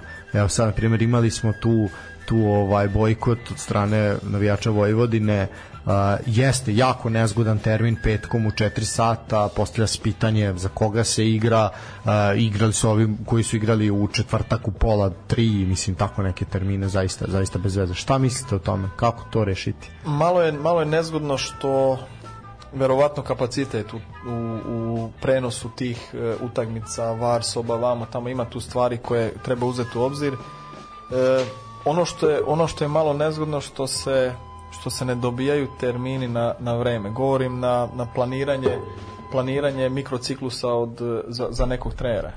Znači, e, tu ta sama priprema, tu vidi malo da, da, da to zna biti problem. Naravno, preko nedelje dolazak navijača, gledalaca na, na utakmicu, e, isto tako može da, može da bude problem i i ako se ne prati, ne prati futbal u tom, tom broju što se tiče e, gledalaca, odmah gubi draž. E sad, ono što mogu da, da iznesem neki naš primer, to se mnogi, mnogi iznenadili kad smo igrali e, protiv Metaca smo igrali, posle to, te utakmice Metalac nas je dobio u, u Bačkoj Topoli, posle te utakmice smo mi e, doveli Lazetića za trenera. Znači na toj utakmici mi smo organizovali e, e, dolazak e, dece, kao što primjer Partizan radi za, za Evropu, tako smo mi e, uspeli na toj utakmici metalac kao metalac u tom trenutku ne znam da su bili 7, 8, 9 znači mi smo hiljadu i po dece doveli za tu utakmicu to je bila samo znači opet treba se na neki način truditi bez obzira da to nije vikend da se, da se ti gledalci na neki način e, primame dovuku tamo na, na, na stadion i da se da se napravi neka atmosfera. Zašto, zašto su bitna deca? Bitna su deca zato što kad, kad se njima pokaže, kad, kad oni vide, naravno za to treba dobar teren, dobra utakmica, dobri uslovi da bi, da bi oni videli neki smisao futbala i da kažu ok, ja sutra hoću da, hoću da treniram da li u tom klubu, da li u nekom drugom klubu. Znači opet je to neki, neki neki deo reklame koju mi moramo da radimo kao što inače radimo i svi klubovi moraju to raditi bez obzira da li je to ponedeljak ili, ili ono što sledi nama sledi sad četvrtak pa utorak Bože moj, šta je? Tu smo, znači nemoj samo da, da gledamo šta je problem, nego kako protiv tog problema i kako da se reši taj problem ili kako da se, da se stvarno napuni taj stadion i da se dovede do, do neke, neke maksimale što se tiče posetilaca. Mislim da, da smo svi sposobni, samo što treba malo, malo više snage izdvojiti da bi se to uspelo prebroditi, a nadam se isto tako da će, da će doći do toga da, da stvarno unapred ćemo znati mnogo više unapred i te termine i da ti termini budu, budu u, u nekom terminu vikend jer, jer stvarno onda, onda trenutno bar tako možemo najviše gledalaca dovući na stadion. Jasno. Imam ja pitanje Pitanje, sada, evo, vi ste pomenuli utakmicu nakon koje je došao Lazatić, recite mi, e, da li vi kao sportski direktor birate trenera ili vi predlažete, a onda upravni odbor odlučuje da li je Lazatić bio vaš izbor i vaš predlog nakon te utakmice e, i, E, i zbog čega? da, mi, mi smo mi smo od samog starta, znači kad smo, kad smo ušli u, u drugu ligu, onda nam je predsednik rekao e, cilj nam je da, da igramo atraktivan futbal, napadački da igramo, kaže, i, i to da bude neka smenica za, za budućnost kluba. E, kad smo mi e, Zoltana Sabova, kad smo doveli za sportskog direktora, on je to znao i tako smo krenuli sa, i sa e, dovođenjem trenera. Znači cilj je da se igra napadački futbal, da to bude lepo za publiku, zato što to privlači e, gledalce na stadion, e, privlači decu, znači to, to, to daje neki ambijent, neku atmosferu utakmici koja je, koja je, e, koji je potreban za, za naš klub. E, sad, e, kako smo dovodili igrač, e, trenere, uvek smo gledali nekako za, za taj neki napadački futbal da, da E, da ih dovodimo i kad je pala odluka na, na Lazetića to smo baš e, dugo razmišljali o tome i ono što mi je ono što je mene uhvatilo što mi je jako, jako bitno kad sam, kad sam ja seo sa njim u Beogradu da, da pričam, on je meni napravio jednu prezentaciju e, velike ekipe u Evropi koju on prati njegovog metaca na koji način, na koji način treniraju na koji način e, ono sa treninga pojavljuje se kod njih na, e, na terenu znači tačno je pokazao protiv Crne zvezde ono što je radio, kako je došlo, kako su oni dali go, kako, znači pokazuje put kojim on, kako on razmišlja, kako doći do, do nekog cilja. Sa onim igračima metaca koji, koji po meni u tom trenutku bili su skromni od igračkog e, kadra u, u, u Bačkoj Topoli. Definitivno. E, naravno, posle toga smo ispoštovali neke njegove zahteve ali opet nismo dovodili igrače koji su igrače smo dovodili koji su e, koji su nam bili potrebni za, za funkcionisanje e, te, te igre u funkciju, funkciju te igre da bude atraktivna da bude da, da, da stvarno igramo jedan napadački futbal i, i tu je on odigrao veliku ulogu i, i mislim da, da to što smo bili strpljivi što smo, što smo ga čekali što smo što smo ispratili šta je on do tada odradio, jer smo ga pratili, zato je pala odluka na odluka na njega. U tom trenutku da li, da li je još bio neki trener u Srbiji koga bi mi doveli da nije mogao on, mm, nisam siguran da bi mogli. E, ima tu sličnih trenera, ali, ali on bio taj za koga su mislili da preko njega možemo postići nešto. E, da li je tajna koji strani tim je bio u pitanju u vidu te prezentacije? E, kako misliš? Pa da, rekli, spomenuli ste, napravio mi prezentaciju strane ekipe koju on prati, pa me zanima koja je ekipa A, je bila On, on, on prati neke ekipe iz, iz e, Engleske, neku ekipu koja je njemu baš omiljena, Manchester City je u pitanju kad je on, kad je on to meni prezentovao, kako je on tu neke stvari vadio od, od, od Citya i mogu da kažem da, da je on tu spustio na taj nivo e, metaca, spustio na nivo naš i, i stvarno je to nešto što je, što je fascinantno da, da neko tako bude fokusiran na, na neki cilj da, da uspe ostvariti e, za, mogu da kažem, dosta kratko, kratko vremena. E sad, ja bih da, ajde da završimo kratko što ostalo, malo nam je ostalo, pa da onda ćemo se potpuno posvetiti pitanjima, nek sad čovjek malo, malo odmori. A, e sad, imali smo jedan zanimljiv duel, a, to su Čukarički Kolubara, a, šta, šta tu reći, onako Kolubara definitivno nema više, mislim da i ovom utakmicom pokazala da oni se za Evropu ove sezone ne mogu boriti, da je to ovaj onako daleko daleko od njih e, možda se domognu tog plej-ofa ali te najave i borbe za Evropu definitivno neće biti e, prelomni moment je bio ovaj isključenje Simovića. A, e, treba pohvaliti mladog Lučića koji je sjajno ovaj prošao Tomovića, ovaj uposlio Tomović postigao pogodak. Luka Stojanović je dao pogodak eto prvi nakon što se vratio. Đorđe Ivanović isto bio bio strelac. Čukarički onako ozbiljan, ozbiljan pretendent. Da li se plašite Čukaričkog u toj borbi za to treće mesto? Ne plašimo se jer smo mi pokazali e, i na njihovom terenu da da možemo i pobediti, da smo, da smo u zadnjim momentima jednu utakmicu e, doveli do, do izjednačenja. E, ne plašimo se. Ja mogu slobodno da kažem, meni su oni e, služili e, kao neki primer ekipe koja koja e, uspeva doći do Evrope, isto tako e, za, za dobre novce prodati prodati igrače. Znači to je neki primer bar po meni u srpskom futbolu koji, koji, koji treba da se prati. E, zašto se ne, ne, ne plašimo njih? Zato što smo mi došli do, do tog nivoa.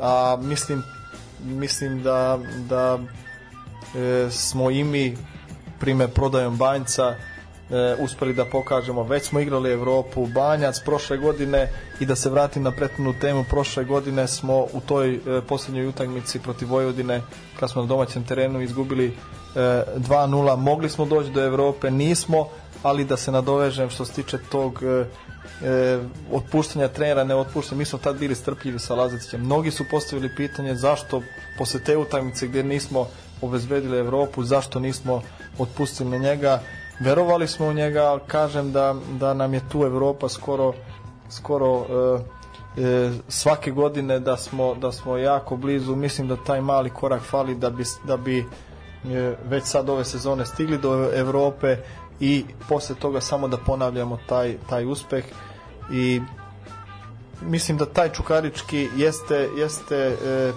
primer e, kluba kako treba te dve stvari spojiti, prodaju igrače i stići u Evropu. Pa ja, ja bih se složio s vama, to smo pričali i u OFU, a rekao bih i sad, mislim da ste tu negde što se tiče e, te, te organizacijon tog dela na istom nivou, ono što vi imate Čukarički nema, to je ipak ta neka baza navijača, to njima jako fali, ovaj, to je definitivno, definitivno problem. E sad, e, da, imali ste i izlazak u Evropu i vi i oni, e sad, ono što, sam, što smo rekli, što sam i rekao, mislim da je sad na vama da vi napravite taj korak, da prebacite to, tu lestvicu listu koju su oni postavili. Mislim da ste sad zreli za to. Eh. imam, imam ja uh, pitanje sad, pošto smo imali tu prodaju igrača i banjca, uh, da li je sada cilj da Ratko ode za veći novac nego što je otišao banjac?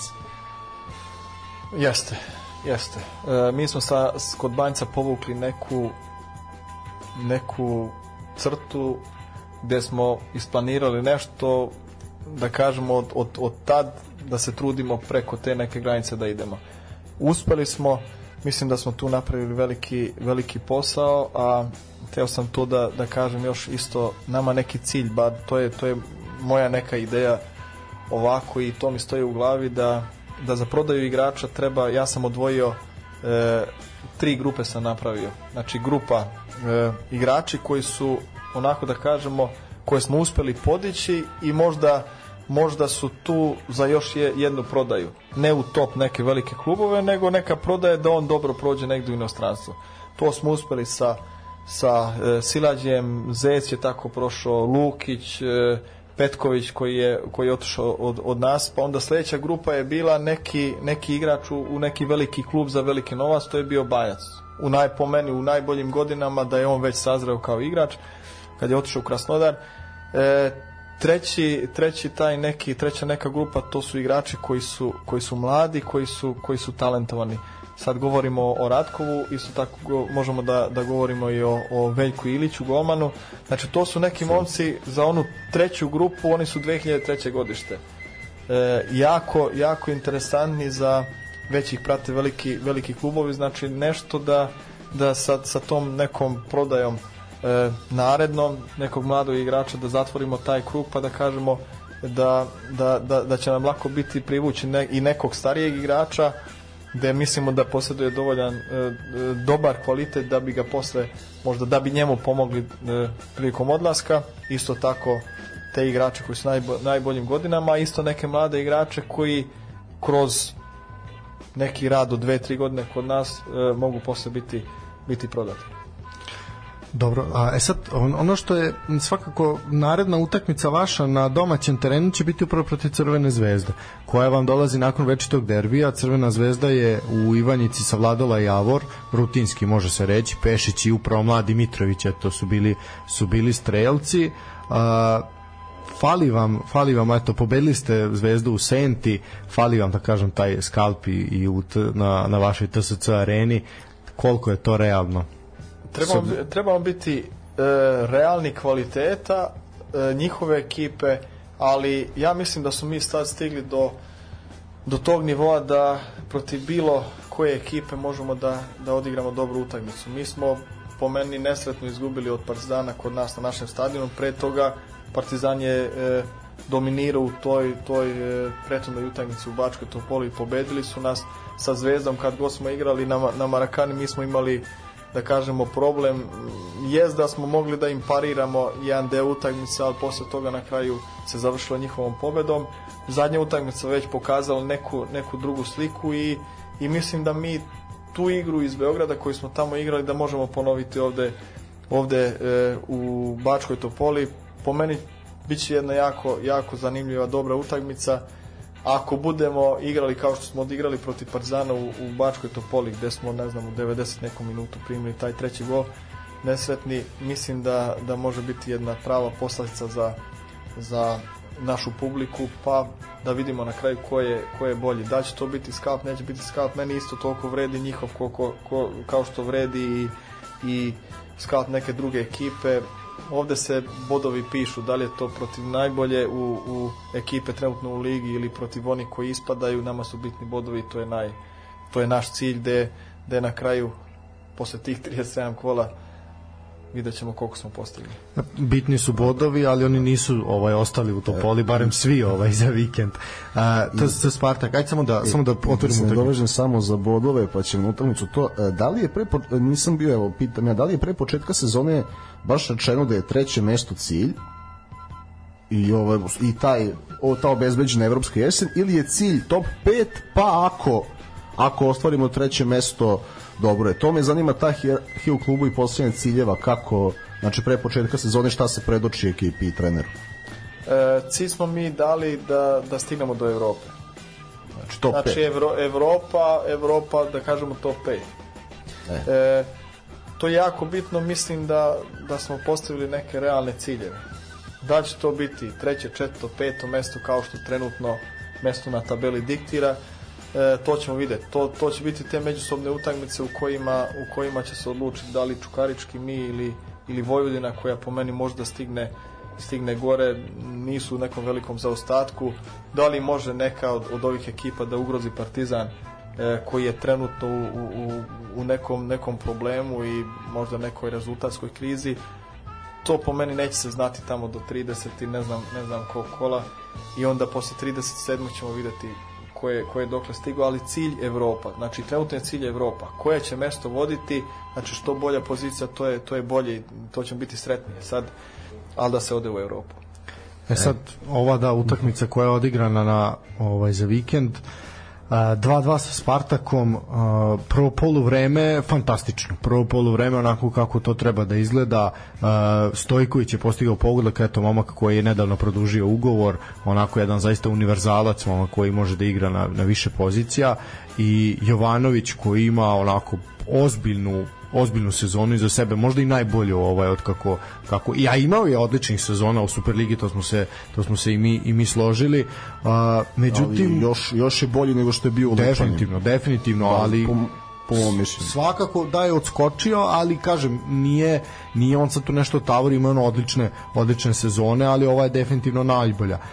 Međutim, drugo polovreme, Bjelović prvo u 50. Zatim, nakon 11 terca 2-2, a, šta reći, ispustili su dva gola, dva gola prednosti Spartak može se reći da je nagrađen za onako za trud koji su pokazali u drugom poluvremenu su zaista bili bili mnogo mnogo bolji a, uspeli su da prekinu taj jedan neprijatan niz poraza. E, ono što smo spomenuli, kiša je zaista padla tokom cele, cele utakmice, ali oni ko je, ko je gleda utakmicu i sve, apsolutno se to ni jednog momenta nije pokazalo ni na terenu, niti je kvalitet igre opao zbog svega toga, a i ono što sam vam rekao, jako je pohvalno što je i pored zaista loših vremenskih uslova ovo je bilo onako jedan solidan broj posetilaca na utakmici. Pa ja mislim da smo odigrali prvo po vreme fenomenalno. Znači to e, to nam se, to nam se igra se ponovila, ako se sećate kad smo Voždovac dobili dobili na domaćem terenu, to nam je bilo prvo poluvreme fenomenalno, isto tako i, i ovde.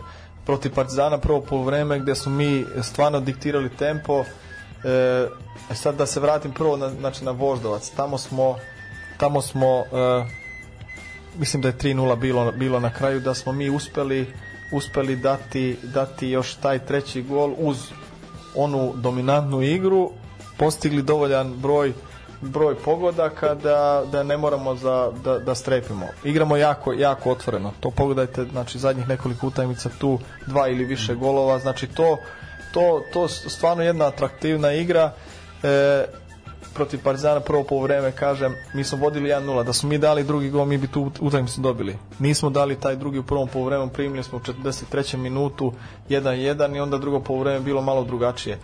E, mislim da, da nas je malo, malo taj prvi gol, da kažemo, iznenadio e, i, i posle onog, tog vojstva gde su svi mislili i, i na osnovu prikazane igre da će to biti ubedljiva neka, neka pobeda e, nažalost došli smo u situaciju da smo primili taj, taj prvi gol iz, iz kornera i posle toga dosuđani 11-terac e, gde smo još posle imali Ratkov glavom ako se sećate fenomenalno kad se, kad se digao znači nije pogodio možda to e, neki možda veći trud igrača Spartaka koji su to takvu igru, dobru igru pružili u prethodnim utakmicama, samo što nisu došli do, do bodova znači verovatno im se to isplatilo možda malo, malo ne znam veća želja jer smo mi e, teli da, da privedemo utakmicu kraju sa ovim rezultatom i to je futbal, znači uvek se dešavaju neke, neke greške ili neke, e, neke situacije koje, koje nisu bile očekivane i, i na kraju onda kad smo već, već skoro bili tu da damo taj treći gol ne želi da, da uđe to je futbal, verujte mi to to možda i daje tu lepotu futbalu što, što se nikad ne zna, što iz, iz ničega može da se, da se da gol, isto tako može da se primi. Žao mi je jer, jer, jer smo bili jako blizu tome da smo dali taj treći gol da, da ponovo zatvorimo jednu fenomenalnu utakmicu i rezultatski isto tako igrom i blizu e, drugog mesta Da, došlo bi se jako blizu drugog. S obzirom na da. današnje da, dešavanje. Da, i došli bi, došli bi jako blizu drugog mesta. E, neka to bude nama, nama i utajmica u Novom pazaru gde smo vodili, vodili 1-0 pa smo na kraju izgubili utajmicu i ova utajmica nek nam bude za, za neki primer kako ne treba u stvari da, da mi učimo i izvlačimo neke, neke pouku iz toga e, primetili smo neke greške to treba ispraviti a po meni ne treba previše ni, ni da gubimo vreme na, na e, to neko razmišlja o prethodnoj utajmici ide ova sledeća vamo da vidimo šta nije valjalo, idemo dalje, onda, onda već u četvrtak igramo u Kragujevcu, što, što je ponovo neki, neki izazov, treba videti kako oporaviti ekipu i posle toga da, da odigramo i ovu sledeću utakmicu. E, bod kao bod e, mislim da tim bodom više je zadovoljan Spartak nego što smo definitivno, nego definitivno. što smo mi ali mi, isto tako mislim da nikome ne odgovara ovaj rezultat jer jer e, mi svuda moramo da gledamo da osvajamo bodove, tri boda u stvari da bi, da bi ispunili taj, taj cilj. Uh, ostali su još dva meča upravo, evo, spomenuli ste Novi Pazar, uh, oni su jednom onako pa zanimljivo meču savladali savladali Gat ovaj kod kuće Novi Pazar je definitivno jedno od iznenađenja ove sezone nije niko očekivao da će biti biti tako visoko plasiran i on pobedom su zapravo su ostali u toj trci da ovaj se u tom nekom plej-ofu nadmeću za te ovaj pozicije za Evropu Gat je pružila dobar otpor vama ovaj u Novom Sadu u prošlom kolu evo i sad su protiv Pazara bili zaista zaista dobri deluje da ih je onaj crveni karton sasekao protiv vas ovaj da su tu onako nisu mogli da da kažem da to nadomeste kako vam se čini uopšte mladost i sad s obzirom kako su se pojačali na polusezone eto savladali su Partizan vas su pošteno namučili namučili su i Novi Pazar Novi Pazar je tek iz penala u 67 minutu Majdovac postigao pogodak Pa mislim da mladost nema nema lošu ekipu, ali ne znam, to je, to je, ja sam protiv toga da, da se dovodi veliki broj i, igrača. Znači u situaciji u, u, u kojoj su oni, znači treba da se, da se bori, e, bori za opstanak, e, jedan je način da se dovede veliki, veliki broj e, novih igrača, ali mislim da tu onda, onda nema se vremena da bi se ta ekipa ili ti igrači koji, koji su došli kao novi uklopili u jednu celinu a da je, a da je rezultat jako, jako bitan. Mislim da, da taj put nije baš pravi, ali, ali svako bira neki, neki svoj ili možda od, od onoga što što, što je ostalo od prve polusezone, pa možda igrač dva, pa samo da se, da se taj kolektiv, ti igrači podignu, ja sam više za, za ovo drugo, znači da mali broj igrača da se dovede, sa njima da se da se e, proba postići rezultat nego veliki broj i mislim da, da je to njihov, njihov e, možda problem i će biti problem e, to su, to su tesne utakmice i protiv Novog Pazara i protiv nas e, to su utakmice dobili su Partizan mislim da da, da ih je ta utakmica dosta, dosta e, e, izvuklo dosta, dosta energije iz, iz njih je, jeste to može dati neko možda i neko zadovoljstvo što, što su dobili tu utakmicu pa, pa da kažemo onako može da se pojavi u, u glavama igrača lako ćemo jer TSC slabiji od, od, od Partizana pa onda tu neke, to je više onako psihologija neka gde, gde treba ući u glavu igrača kako, kako oni to kako su oni to doživeli e, taj, tu pobedu veliku protiv Partizana ili ili, e, ili kako pripremite se za sledeću utakmicu. Mi smo njih teško dobili ovde u Novom Sadu, e, a što se tiče e, ove, ovog poraza u, u Novom Pazaru, Novi Pazar jako, jako čvrsta ekipa, jako nezgodna ekipa, mislim da će oni tu biti biti e, uspeti biti u play-offu. Uvek je teško tamo kod njih e, gostovanje, teško smo igrali.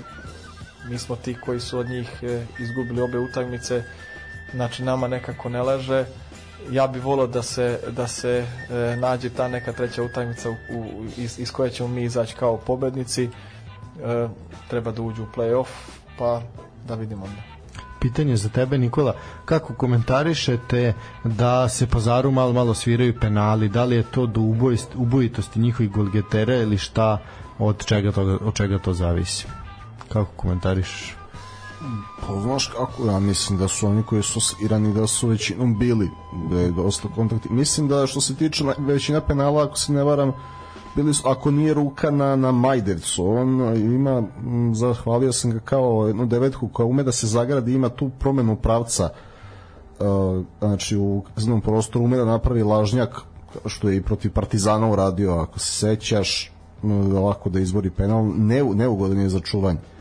Tako da, eto, to je jedan od razloga, a drugi je možda ta njihova direktnost, jer generalno penali se sviraju ekipama koje, čiji igrači igraju licem ka golu.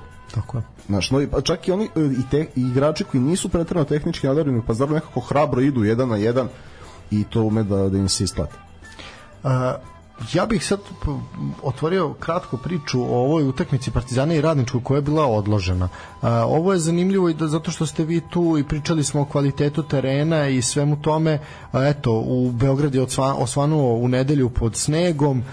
Nije to bilo baš tako, bilo je, pamti Beograd i veće snegove, pa su se igrale utakmice kao naproti Mačve pre koju godinu ovaj, ili neke u, starom, u starom prvenstvu stare države.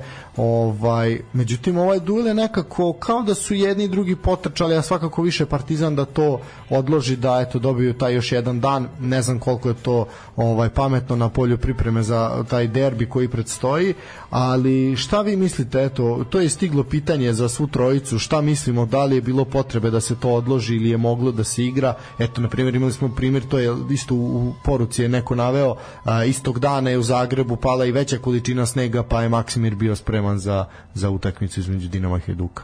Pa ja mislim da je to pitanje za upravu Partizana nakon one čuvene mačve gde su tako slavodobitno rekli kako su kupili grejače, kako sada toga neće biti, evo sad se desilo odlaganje. Tada tu ma, a, a tad se tu mač nisu setili da odlože. Ja, ja, mislim, ne znam, ja stvarno što se tiče Partizana i nekih poteza više ne bih tražio logiku. Ja, to jeste ovaj, subjektivno i navijački razočaranost, ali eto tako je. A šta vi mislite o tome? Da li je to o, oko tog odlaganja zbog vremenskih uslova, da li je to opravdano, neopravdano? Ne znam kakav je tamo bio teren u, u, u tom trenutku kad je kad je bila ta priprema. Ja znam Primer, vas je u Novom Pazaru dočekao, dočekao loš teren pa se utakmica odigrala. Da, to sam teo da kažem. Znači, mi smo, mi smo još... E, na dan utakmice pre podne e, krenuo sneg padati. Prethodni dan bilo snega. Znači, ljudi su sve učinili. Ljudi su čistili ozbiljno. snega. I bili smo mi sa da. njima u kontaktu da vidimo da će se odigrati utakmica, kako će se odigrati utakmica. To je dovedeno do, do nekog nivoa gdje su bili minusi. Znači, nikako nije bio lagan teren, ali smo, ali smo došli do toga da može da se igra. Kakvi su bili uslovi na, na e, stadionu Partizana, to, to ne znam. E, da li su oni dobili da kažemo e, tu je, tu je e, radnički dobio manje dana za pripremu primer protiv, protiv nas ja mi igramo u četvrtak i, i da se moglo odigrati po meni trebali su odigrati nisam kažem ja, ja ne znam u kakvom je bio stanju teren danas na dan utakmice kad smo videli to je, to je bio sasvim korektan Da, sasvim normalno je to izgledalo. Iskreno, ja reću, moje mišljenje je da su to iskoristili kao povod da odlože za jedan dan zato da bi e, pre svih Traore i Colorado koje čekaju da nadođu s fitnessom e, imali dan više za, za opravak i pripremu zato što videli su se problemi protiv šerifa nije bilo dovoljno fizike u vezi i sada da se ne vraća na to. Eto, to je moje mišljenje da su to iskoristili da pokušaju da i Natha, et, Natho je viđen pola sata da. danas, spremaju ga za derbi, šta ja znam, ali eto. Pa dobro, ja malo mislim i da se ovim malo o, se utišala ta nezadovoljstva protiv uprave, znaš, danas je bilo svega možda stotinak ljudi na stadionu umesto nekoliko, ono, dve, tri hiljade koje bi inače bilo, tako da i tu je malo onako odigrano na tu kartu, eto, što, što se tog nekog dela tiče. Tako nama sad deluje, sad da li je to ovaj tako ili nije, ali definitivno da su radnički će imati dan manje za pripremu sa TSC Partizan, dan manje za Crvenu zvezdu. A, što se tiče te utakmice danas, to je meni neshvatljivo da šutnete Partizan je jedan šutno okvir gola protiv Radničkog, Radnički šutirao četiri puta, od toga su realno tri gola mogli dati. Uh, ajde, ok, Menig je postigao taj gol u 12. minutu, nakon toga ništa. Radnički je bio bolji Čolović, je imao fantastičnu stativu, ovi su šutirali momci zaista. Još jedan lep gol Vido Savljević. Ovaj, apsolutno. Da radnički sad već ima jedno 5-6 futbalera koji, ako ih ostaviš, veoma dobro šutiraju izvan 16 metara. Tako je. Uh, Sada da, da ne bude da da im da radim gostu pripremu da. Pa ne, ali da, jeste tako, ali jeste tako, Krajišnik može da šutne ozbiljno, Čolović može, Vidosaljević može, to su sve momci koji zaista onako van kaznenog mogu da napre, napre problem. Ne, e, ono što meni je zapravo najviše smeta jeste to da znači daje se e, opštenje da Gordon Petrić nakon pauze neće voditi ekipu da bi se našao trener a sada vidimo da eto sad zbog tog je primljenog gola ipak nerešenog sad on ide jednom se ovaj našao trener svi ti potezi mislim da je to ono što mnogo više iritira evo mene lično više iritira nego sam rezultat Pa, gospodinu Duljevu želim svu sreću. Apsolutno će mu trebati. Jedan, ovaj, prosto što sam radio, znaš i sam onda im intervju u okviru prakse, veliki gospodin džentlmen, Eh, način na koji me slušao kao sagovornika fascinantan, eto, nek mu je Bogu pomoći pretežak trenutak. Bojim se, bojim se da mu ni neće pomoći, ali ajde, tako trenutno to deluje Partizanu. Mislim, znam, evo iz tog razgovora znam da je on želeo malo da sačeka sa nekim iskorakom, da je imao neke želje da bude tu teleoptiku, gradi neku bazu, nešto da oporavi, da bude kao nekad, ali očigledno je moralo ovako. Nažalost, da. E sad moram, moram što se tiče Gordana Petrića i te, i te izjave uh, nakon što su izlazili sa terena pa je Popović besno, ne znam si video to, Popović je besno ovaj, rekao da zašto se 17. utakmicu povlačimo, zašto to radimo i nakon što je novinarka Arena Dijana je bila dole, pitala Gordana Petrića, on je onako odrago po prvi put je nekako da kažem odmah je rekao da treba da ih bude treba da ga bude sramota takve izjave i baš onako je bila čudna njegova čudna njegova reakcija onako nešto na što nismo nismo navikli ali definitivno i ta konferencija za medije koja je bila pre pre ovog radničkog gde je Gordon rekao da obrazložio zašto zašto ovaj se definitivno više nikad neće baviti trenerskim poslom, ali onako zaslužio je aplauz od na svakoj narednoj utakmici koju bude prisutan, ako bude prisutan, a duljaju šta da kažemo, nekome se sreću. Eto, evo jedan za gosta, e, Gordan Petrić je označio Žarka Lazetića kao potencijalnog naslednika i znamo da je Žarko vezan ugovorom e, Da li mislite u slučaju da dođe do da li je bilo već pregovora da Lazetić preuzme Partizan ili ako nije da li mislite da bi to bili teški pregovori da se Lazetić zadrži u klubu? u slučaju da, ajde, znamo da on ne želi da ide kod drugih večitih, to vam je olakšavajuća okolnost, nije neutralan, izjasnio se javno, ali da li mislite da će ga, e, da je ga, bi ga bilo teško zadržati? On se lepo osjeća u Bačkoj Topoli, mi imamo neki zajednički cilj koji, koji želimo da postignemo i znači on je, on je tu u klubu i rekao je da, da e, te neke, neke da kažemo izjave nekih, e, da li je to e, izjava gospodina Petrića ili, ili nekih ljudi, možda nekih novinara koji, koji žele žele da puste e, neku, neku novinu, nešto što, što još nije potvrđeno, to, to ništa ne znači. E, mi smo obavili sa njim razgovor, on je, on je u našom klubu, on sa nama želi da postigne neki uspeh. Šta će biti za, za koju godinu, to je već, već njegovo. E, A što se tiče samog, samog Partizana ovo što smo pričali, da možda današnje neko zalaganje igrača ili ono što je za, za tu neku izjavu posle, posle utakmice, mislim da treba pogledati e, šta je uzrok e, a mislim da, da to ispadanje iz, iz, iz Evrope da je, da je to u mnogome uticalo na igrača znači nije svejedno sad samo se fokusiram na domaće prvenstvo i se fokusiram i na Evropu Evropa daje igračima vrednost, Europa daje klubu neki, nek, neku dodatnu zaradu i mislim da su se oni razočarali zato, zato se nije videla ta energija u, e, u, u njihovoj ekipi, a s druge strane radnički ko radnički oni su, oni su bili verovatno svesni toga da mogu da iskoriste sad tu šansu utajmica se završila tako e, tim rezultatom koji, koji svako nije dobar za Partizane sad kako će oni e, stati na, na noge ili kad će uspeti uspeti ponovo biti onaj, onaj stari, to je znak pitanja, to je, ja mislim, u, u pitanju glava igrača i, i bitan je onaj koji, koji bude upravljao e, tim glavama, jer nije nimalo e, lagana situacija kad, kad ovako nešto dođe, ta neka rezultatska kriza, razočarenje, jer teško je, teško je tu posle ustati da, li, da li želiš da kratko prognoziramo naredno kolo pa da počnemo sa pitanjima pošto ih ima ima dosta Ovaj, mi imamo mali trend, da, rekli da ste slušali, pa eto sad, sad čisto sproveravamo da ste slušali.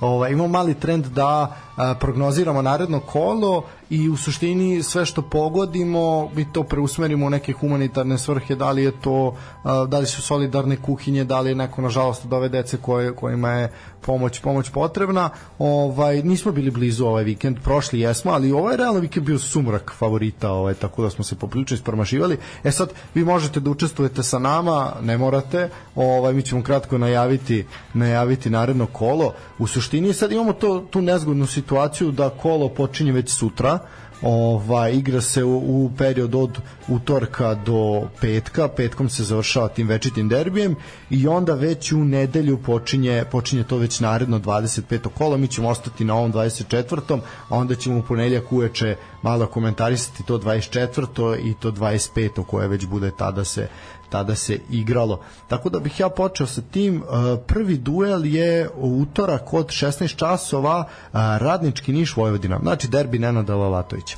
Ovaj. Ne, ne samo Latović, i Batak je bio u Nišu. I Batak je bio u Nišu, da. Tako da ovaj, ovo je poprilično onako uh, zanimljivo. Vidjet ćemo sad koliko može ovaj, Vojvodina sa, sa novim trenerom a koliko može ovaj Nenad Lalatović malo da oporavi ekipu i da to podigne, jer radničkom su zaista potrebni bodovi ako žele da ako žele da dođu do tog play-offa. Šta ti kažeš Nikola, šta ovde možemo očekivati?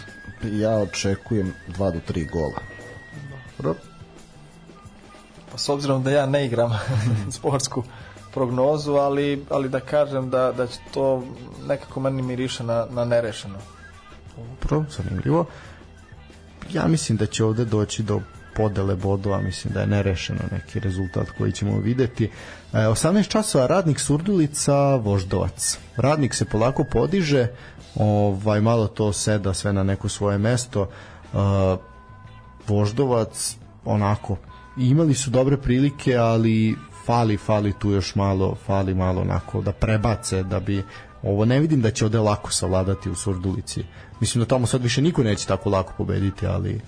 ali ne, ajde. Oni imaju prevelik zaostatak, ali se definitivno podižu. I ja bih m, mm, onako rekao, radnik daje bar jedan gol. To bi. Mm, dobro. Šta kažete? Mislim da je pobeda radnika. Ohoho, dobro, oho, sad ovo je zanimljivo. Pa ajde, ja ću onda reći da... Hm, a ja mislim da će ovde biti isto zapravo ću reći ovako, oba tima će postići po jedan pogodak, minimum. Uh, sreda 14 časova mladost gat napredak na Karadžođu. Mm, je tu recimo mislim da neće biti mnogo golova. No, to mi je 0 do 2. Dobro. Šta kažete? Još jedan nerešen rezultat. Još jedan nerešen. Mm, ja mislim da će ovde biti, ma ja mislim da će oba tima i ovde dati po jedan gol. Mislim da sad malo su se trgnuli ovaj, u Kruševcu. Uh, Spartak Subotica Novi Pazar od 16 časova. Evo će biti zanimljiv meč. Spartak sad nakon što je uzeo bodove, malo došla je konačno potvrda ovaj bodov na te dobre igre koju imaju, a Novi Pazar opet Novi Pazar. Uh, Ja bih tu bio u Spartak. Mislim da je red da pobede nekog, jer posljednje dve utakmice su odigrali dosta dobro. Pro, ambiciozno. Protiv, protiv ekipa iz vrha. Da, da, da, da. da. Slažem se sa, sa Nikolom. Prepisujete? Aj, joj, ajde, ja ću onda reći... ajde, sad da svi napišemo isto, ja ću napisati nešto kontra da bude. A ja verujem da će Novi Pazar dati makar jedan gol. Eto znači bude 2-1, svi smo na dobitku. E, od 18 časova mlado slučani Čukarički. Mislim da to Čukarički dobi. Pa i ja isto mislim da tu gost daje dva ili više. Pobeda domaćina. Ovo je baš ovako uh, ambiciozno. Mora se radi proraditi. Mo, mora, da, dobro. Uh, e sad, 14 uh, časova, ali to je već onda u pitanju četvrtak, u Nači Kadači radnički TSC. Vi ne morate ništa reći, ovo je sve jasno. A šta kažeš? Mm, pa dvojka, ali ne samo zato što je gost. da, da, ne sad kao, sam ne, ne, ne se, nije ne, Ne, stvarno, ovaj, tako da ne, mislim da, da, će, da će biti sigurno. E, ne, znaš, zato što generalno ove sezone redko, redko vezuju i vi zna, redko imaju dva kiksa. Dva kiksa, da. Tako da obično kada, kada neočekivano ispuste bodove, pobede sledeću, da kažemo, nekog slabijeg rivala. Tako da, iako radnički igra dobro, mislim da mi ovaj bod sad puna kapa. Vidi ovako je. Ja ću reći tačan rezultat 1-2, znači 2-1 za TSC. Mislim da je to onako realno da se Nemoj da uvalimo čoveka u problem mislići da je bolje. Mislim da da, za da veštaljka. Da, da nam je rekao kao, e, A ne, pa ne, ne, momci dobijamo 2-1. da, da, da, ne vidi, ovo je, ovo je čisto futbolsko znanje, odnosno ne znanje kao što će se pokazati. E, od 18 časova, od 18 časova Kolubara Javr, E, ovo će biti onako, ja mislim da Kolubara dobija, tu nema šta, Kolubara mora da uzme bodove na svom terenu i vjerojatno će ih i uzeti. Mislim da je to kecko vrata, koje je moje iz matematike. E, tu se slažem. Šta Prvi put da se svi slažemo. Znači, mislite da da je to tako dobro i večiti derbi petak 19 časova na rođendan našeg dragog druga Žike Milaka šta kažemo, na Rajku Mitiću, Crvena zvezda definitivno favorit, po svemu što se dešava, Uh, mislim jeste da sad imamo predstavnika kluba koji nije jel da kažem deo večitih, ali definitivno je to naša najveća utakmica. I to je momenat kada sve stane i kad svi gledaju, čak i oni koji su neutralni. Šta vi očekujete od večitog derbija? Koliko dva naša najbolja kluba mogu da pokažu zapravo? Pa ja mislim da mogu da prikažu jako dobar futbal. E, Rezultat. Mislim da je pobeda Zvezde. 0-2 golov protiv Dulja ja ne mogu, iako je outsider i teško mu je, znaš da tako da neka bude na golove da Pa ja verujem da će da će biti prvo poluvreme da će biti nerešeno. Znači prvo poluvreme X to je negde moja mislim da ba, samo ne želim da gledam onaj dosadan 0-0 derbi, to to je ono aj samo to nemojte, sve ostalo sve ostalo i nekako. A, dobro, e sad, sad možemo krenuti ovaj da repetiramo kao ovaj Bata Živinović i da pucamo. A, ovako, kaže, a, e, ovo je prva poruka koju ću pročitati. Kaže, pozdrav za gosta iz TSC u že, uz želju, kaže da razdvojite večite, ako ne u ovoj, onda u narednim sezonama, ovaj, pošto izgleda da ćete to uraditi pre vi nego Čukarički ili Vojvodina. Kaže, pročitajte ovo naglas. Ovaj, kaže, pitanje koliki je budžet TSC? U kakvim finansijskim okvirima zapravo funkcionišete? Pa mogu da kažem da smo ispod, eh, ispod eh, Čukaričkog. Dobro, ovo je pametan odgovor, ovo je pametan odgovor, da. Znači, gore ne gledam ove, ove Naše, ali smo ispod, ispod Čukaričkog pa, samim, i Vojvodine. I Vojvodine, da. da Vojvodina da. je broj 3 po budžetu, ja bih rekao, ove sezone. Definitivno, sigurno, sigurno. Na, naspram onoga što je uloženo, definitivno. A, kažu ovako, za kog igrača možete da kažete da je najveći pogodak što se tiče financija, a ko zbog igračkog kvaliteta? E, tu verovatno mislite na, na našeg igrača. Da, da, da, da, da pitanje za vas, da. Pa primer, e, Petar Ratkov, e, koji je stigao kod nas kao u, u tu neku našu omladinsku ekipu i koga smo uspeli da podignemo na, na neki nivo da ga traže veliki klubovi. E, što se tiče nekog e, da smo nekog pogodili kao igrača, mislim da smo da smo pa samo malo slučajeva da kažemo napravili, napravili neki promašaj oko dovođenja igrača ali uglavnom smo pogađali. Pa ja samo jedan promašaj mogu da vam kažem evo za sad, za to je, a to je Škuletić. Mislim da on najmanje pokazao od onoga što se od njega očekivalo.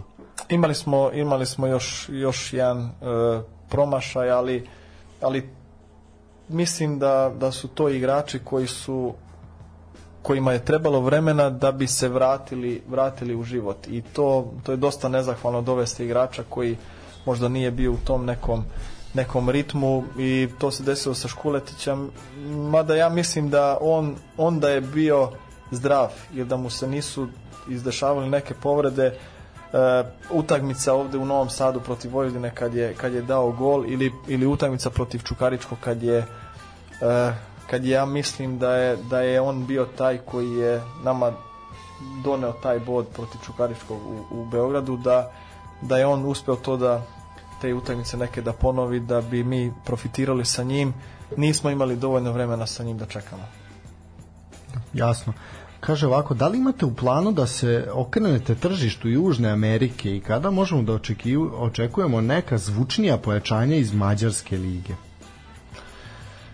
E, što se tiče Južne, Južne Amerike, ja ne, nekako sam e, mišljenja da, da imamo mi na ovim prostorima dovoljno e, kvalitetnih i talentovanih mladih igrača da možemo, možemo napraviti e, i, i sa njima dobru ekipu e, dovesti zvučno ime da li iz Južne Amerike ili iz, iz, iz, iz Mađarske e, mislim da, da što se tiče e, nekih, nekih budžeta da, da se još ne možemo takmičiti sa, sa nekim, e, nekim klubovima e, trenutno iz Mađarske e, ima tu dosta talentovane dece, dece u Srbiji, eh, u Vojvodini, ako hoćemo onako malo, malo uže da se, da se nađu eh, kvalitetni eh, klinci, da, da uopšte mi ne treba da se, da se baziramo na, na inostranstvo ili na neke evropske države druge.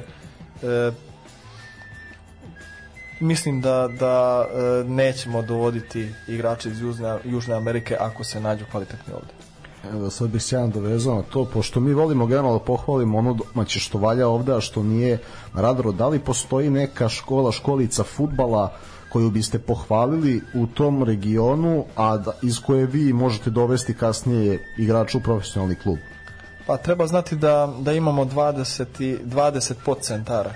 Znači to su neka mesta, sela, e, gradovi, gde mi pomažemo klubove gde, gde bez kojih mi ne možemo da da funkcionišemo, a isto tako mi smo potrebni njima da bi oni, e, da bi oni digli nivo e, kvaliteta e, u tim njihovim sredinama. Da li je to selo, da li je to grad u pitanju, znači ima 20 podcentara koji su oko nas kroz do, do Novog Sada i u Temerinu imamo e, podcentar. E, mislim da tako dižemo kvalitet našeg futbala, kvalitet e, futbala u celom regionu, u celoj Vojvodini. I, i mislim da je to za, za neki e, za neku, neku, e, neki dugoročni cilj ili ciljeve, to, to more, moramo tako raditi, ne možemo mi da kao ostrvo neko da, da budemo tu, a oko nas samo more, to moraju biti drugi klubovi koji, koji rade za nas, koje mi pomažemo i onda na kraju će biti svakome dobro. Pa kažite mi, ovaj, ovde je stiglo pitanje, sad pričali smo o tim ciljevima, kako ste iz godine u godinu pravili korak po korak i tako napredovali, a, koliko je realno i da li je zapravo neki cilj u budućnosti da se napadne i ta borba za titulu? Pa vidite, svaka ekipa ima pravo da se bori za titulu. Da li možemo da se borimo e, sa, sa budžetima tih klubova koji su trenutno ispred nas. E, da li možemo da se, da se e, borimo sa njima koji, koji mogu dovesti e, kvalitetnije igrače od, od ovih naših, to je samo pitanje. Da li mi možemo e, igrački e, stići do toga da, da igramo sa njima otvorene utakmice, e, to, to mogu da garantujem da, da možemo. Znači, stigli smo do toga da, da igramo sa njima e, otvorene utakmice gde, gde e, smo jako blizu da ih, e, da ih e, i ugrozimo možda u, u nekom narednom periodu da bi se jedna ekipa e, da bi jedna ekipa završila na, na prvom mestu na kraju, kraju sezone tu, tu treba odigrati svih tih bar trenutno koliko ima 37 kola na, na e, vrhunskom nivou i mislim da da igrački kadar dovoljno dugačka kvalitetna klupa isto jako potrebna, a da bi čovek imao ili jedna ekipa da bi, da bi imala 20 e, i nešto e, sličnih e, igrača, sličnih kvaliteta, to neki mogu sebi dozvoliti, mi trenutno ne možemo doći do, do, do tog nivoa. Šta će vreme pokazati kasnije, da li, da li mi, da li neka druga ekipa koja je tu blizu, blizu ove dve ekipe, može stići do toga, to, to ne znam, to će pokazati vreme. E, bitno je da, da, da smo e, stigli blizu njih kvalitete. Evo, dovezao bih se tamo na to, e, obzirom na to da četvrto i peto mesto donose kvalifikacije za ligu konferencija, a treće mesto, odnosno ono na kojem se vi sada nalazite, garantuje minimalno ligu konferencija. Recite mi, da li ste ove sezone pratili to takmičenje? pošto je bilo grupa koje nisu bile jake kao recimo Partizan gde imate dva tima iz Lige 5. Znači ova grupa, Slovan Bratislava je bio prvi u jednoj grupi, ta grupa gde je bio Sivaspor i Balkani sa Kosova i tako. Recite mi, kako vidite vaš klub u odnosu na taj, taj rang ekipa Liga konferencije, da li mislite da bi ovaj tim, sadašnji tim mogao da se bori za prolaz grupe i ako ne mislite to koliko je igrača potrebno da dovedete, a opet znači da možete da budete kompetitivni, a da ono što ste malo pre rekli, ne volim da dovodimo previše da kvarimo treneru koncepciju i hemiju. Znači šta je, ako se bude treći, šta je neki plan? Meni jeste neko merilo, uh, jesu utakmice prijateljske koje, koje igramo uh, na pripremama. Uh, ako hoćemo da, da, da pogledamo primjer u Slovačkoj, mi smo, mi smo sa Dacom odigrali e, odigrali e, jako dobru utakmicu jednu. Mi smo, mi smo e, na pripremama sad u, u Turskoj odigrali mnogo dobre utakmice i protiv ruskog predstavnika i protiv Šturma protiv Debrecina koja, koja je kvalitetna ekipa koja je tu vrhu da, protiv Mađarska. Šturma treba onako posebno istaknuti taj baš da, bilo, da. da, to je bila ta poslednja utakmica uh, provere E, znači to su utakmice i protiv Partizana smo odigrali jednu jako dobru, dobru utakmicu i, i mislim da je to nama neko, neko merilo kvaliteta da bi po meni mogli da, da igramo, igramo i sa nekim ekipama e, koji su slično kvaliteta kao mi ili, ili i, i, sa, i sa, da kažemo, e, zvučnim imenima, e, da li dovesti igrače za, za, za taj neki cilj. Mislim da, da mi kao kolektiv funkcionišemo tako e, kako treba i, i ovo što smo sad u ovom prelaznom roku igrače koje smo doveli, to smo doveli tako da ih pripremamo ove polusezone, polusezone da bi od leta e, služili nama kao neki od, od, od nosioca zato što su možda u planu neki igrači za, za prodaju. Znači, po meni jako je bitno da se razmišlja unapred. Znači, ne sad doveli igrača pa je to to, nego mi sad već pravimo plan i već e, deo tog plana e, kako smo doveli ova, ova tri igrača u, u zimskom prelaznom roku. Hvala e sad... na detaljnom odgovoru. E, upravo, sad jedno slično, slično pitanje, ovako, to od našeg dragog Nikole Delića je stiglo pitanje. Kaže, po mom mišljenju, iznad, TSC je iznad Sepsija i Daka, odnosno Dunajske strede, jel? E, šta je potrebno da dostignete nivo Osijeka? koji je ipak iznad iz od svih iz ovih klubova da kažem iz te grupacije koja s kojom se povezujete. Pa mi smo mi smo ovde pričali o kvalitetu e, Eh, Hrvatske, Hrvatske lige i, i eh, organizaciji tamo. Eh, Osijek kao Osijek to je ekipa koja nas je, ako je to neko merilo, pobedili jednom Osijek. Mi smo odigrali prijateljsku utakmicu sa njima. Ekipa koja ima mnogo veći budžet od, od, od nas. Sam kvalitet tih, tih igrača, u stvari igrača koji su im stizali iz raznih, raznih velikih klubova, oni su podigli, podigli taj, taj kvalitet kod njih. E, stvorila se ta jedna situacija gdje su oni hteli da, da e, ugroze to u stvari prvo mjesto da osvoje nisu uspeli jer i, i kod njih postoji, postoji ili postoje ekipe koje, koje stvarno kvalitetom su iznad njih. E, da, li bi, da li bi mi mogli njih da, da dobijamo u nekim utakmicama po meni mogli bi e, stići nivo na, na kom su oni i sa kojim uslovima koje oni sad e, prave, jer pošto da. vidimo tu da, da otvaraju polako i novi stadion i, i akademiju. E, to čini mi se da su, da su iznad našeg, našeg nivoa trenutno, ali rezultatski da se odigra jedna utakmica mislim da bi, da bi i mogli da ih dobijemo. E sad, kad smo već kod te ove, ovaj, priče kod povezanih klubova, A, to je dosta, dosta smo mi o tome pričali, pa ja sad i Bojana mi je u razgovoru ovaj, kad smo dogovarali vaše gostanje rekla da napomenem, ovaj, a, to je, a to su zeleni dresovi kojim uglavnom igrate na gostićem terenu. A, ja moram da iskritikujem ovaj, nešto. Meni je, meni je jasno poveznica sa Ferencvarošem, to su bratski klubi, sve, sve razumijem, sve poštojem, ali jako to loše izgleda na televiziji. Jako su igrače. Pri, po, najbolji primjer je u Novom Pazaru, gde imate kad imate tako malo snega, a bili su momci u belim belim šorcima i štucama, oni su bili jako jako teški za raspoznati i primetiti. Baš je to onako bilo bilo teško, a eto, na primjer, jasno je da pored te zelene garniture imate plavu i belu, Novi Pazar je upravo to, ovaj, ali često se, često se pribegava toj, da kažemo, trećoj garnituri koja je, koja je zelene boje pa svako, e, obaveza svakog kluba da izabere tu neku, neku treću boju. E, mi da smo izabrali skroz zelenu, kao što, kao što u Poljskoj ima, ima jedna ekipa koju smo mi gledali da ima isto ove dresove sa, sa zelenim donjim, donjim delom, to kažem, to, to nas ne bi zbunilo u, u, u Novom pazaru zbog snega i tako neke stvari.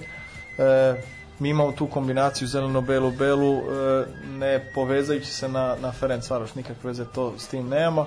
E, mi smo nekad, gledali smo, znači prvi, e, vodimo računa i o istoriji kluba. Znači prvi registrovani klub u Bačkoj Topoli TSC pod imenom TSC, kad smo slavili 100, 100 godina kluba, onda smo vratili ime na, na TSC da, da kažemo da, da vratimo nešto i, i toj nekoj, nekoj istoriji. E, isto tako e, u tom nekom početnom delu istorije kluba, koristili se zeleni dresovi. Aha, znači nema veze sa Ferenc Ne, tražili smo neutralnu boju, neutralna boja je bila neka, gledali smo šta u tom trenutku i, i mi, smo, mi smo izabrali e, tu e, zelenu boju koja možda vama onako e, e čini se za, za neki TV prenos da je, da je malo, malo nezgodno, nezgodno, nezgodno da. da, ali ja mislim kad je proleće, kad je ono da, da, da se mi nekako uklapamo u tu zelenu boju trave pa nas ne primete samo kad se već daju golovi znači u tom kad je lopta u mreži pa nekako hoćemo tu malo da se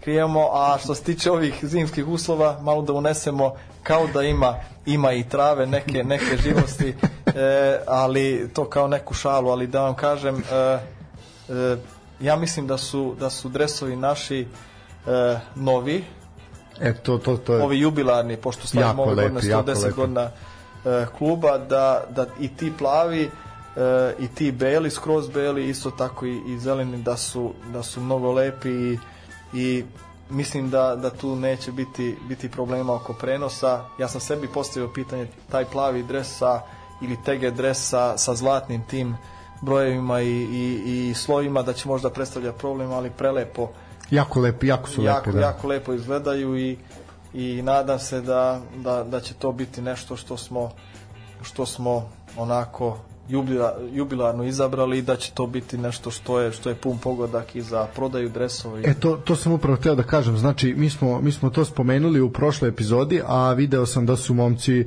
ovaj odnosno ljudi koji rade u marketingu uh, ubacili već na znači nalazi se na uh, u šopu, odnosno možete preko neta, možete na na samom stadionu kupiti. Jako je lep, jako je lep dres. Ovaj cena je možda malo onako malo jača, ali dobro dobro, to je sad a, jasno je zašto je to tako i to sad ne, ne vredi pričati o tome.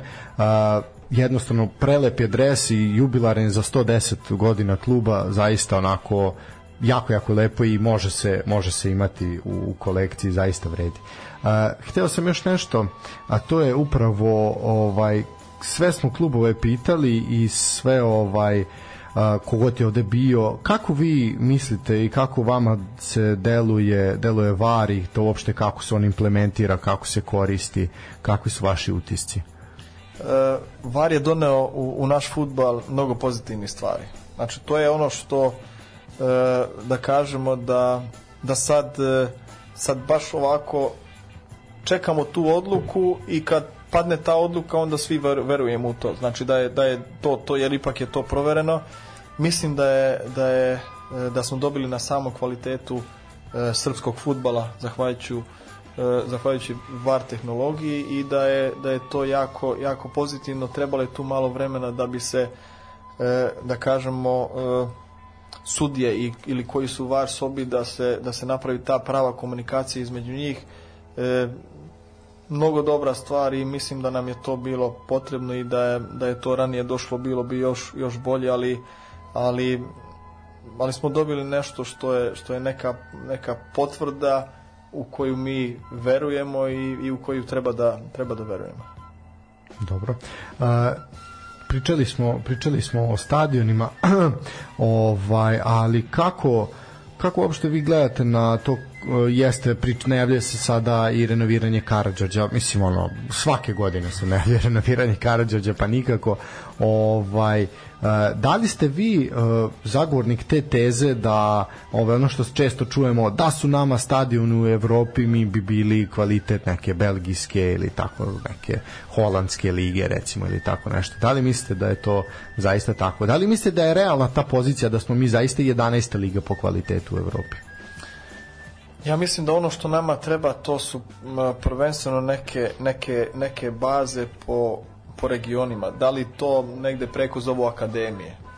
E, kod nas možemo reći i baza neka, znači to bi trebali u, u Srbiji da napravimo nekoliko baza u različitim delovima Srbije da, da to kao neko da bude, bude to kao neki centar nekog područja da bi se naš futbal e, podigao e, da su stadioni potrebni jesu potrebni su ali ja uvek kad, kad gledam govorimo o o terenu, znači teren je na prvom mestu, kvalitet terena da, da bude na prvom mestu, naravno i taj objekat koji ima neki sadržaj i sad posle dolazi do toga da treba razmišljati o sadržaju tog stadiona da bi klub nešto, nešto neki novac je zaradio.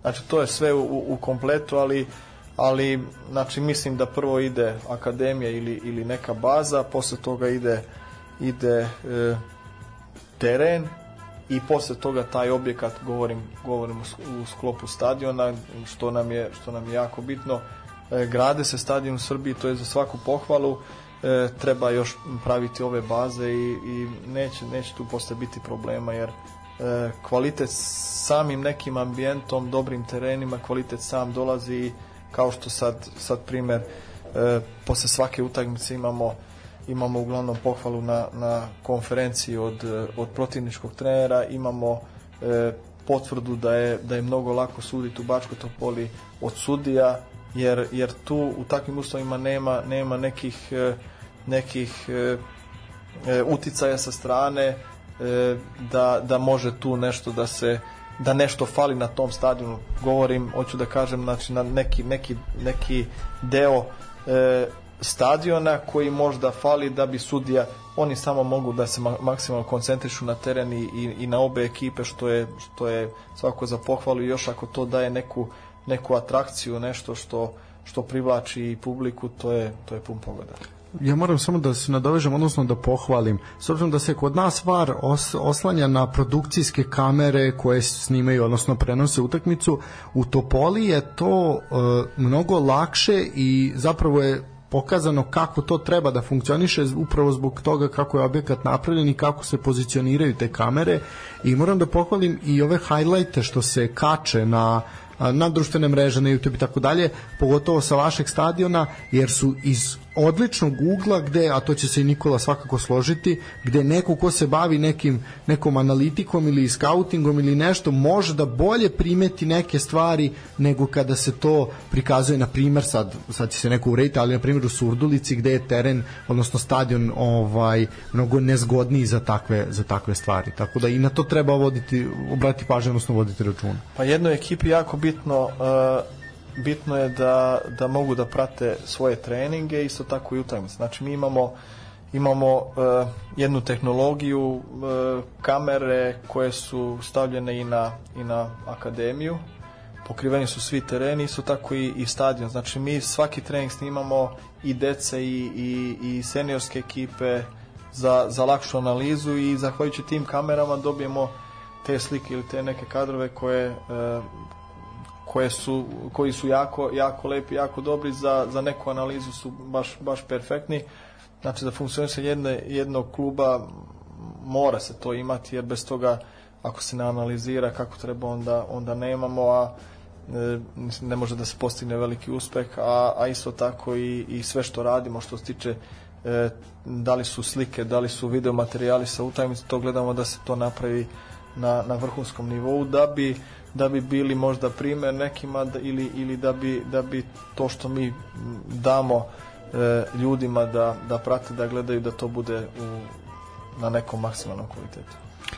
Ove, imao sam, kaži mi koliko, jel imam još mnogo pitanja? Ima još, ima još dva, dva, tri pitanja. Ovaj. Ove, e sad, hoćeš da slobodno? Imao sam, imao sam jedno, pošto evo, pričamo ovde o funkcionisanju klubova, e, pa i najveći klubovi sveta kad e, prave neki veliki reset počnu tako što se objavi da je doveden novi sportski direktor sa novom vizijom igre, pa će on onda da odabere trenera, zajedno sa njim igrači. Tako. E sad, ono što mene zanima jeste da li vidite sebe u inostranstvu a, ako dobijete ponudu i da li biste prihvatili ponudu Partizana ili Crvene zvezde da budete njihov sportski direktor ako do toga dođe?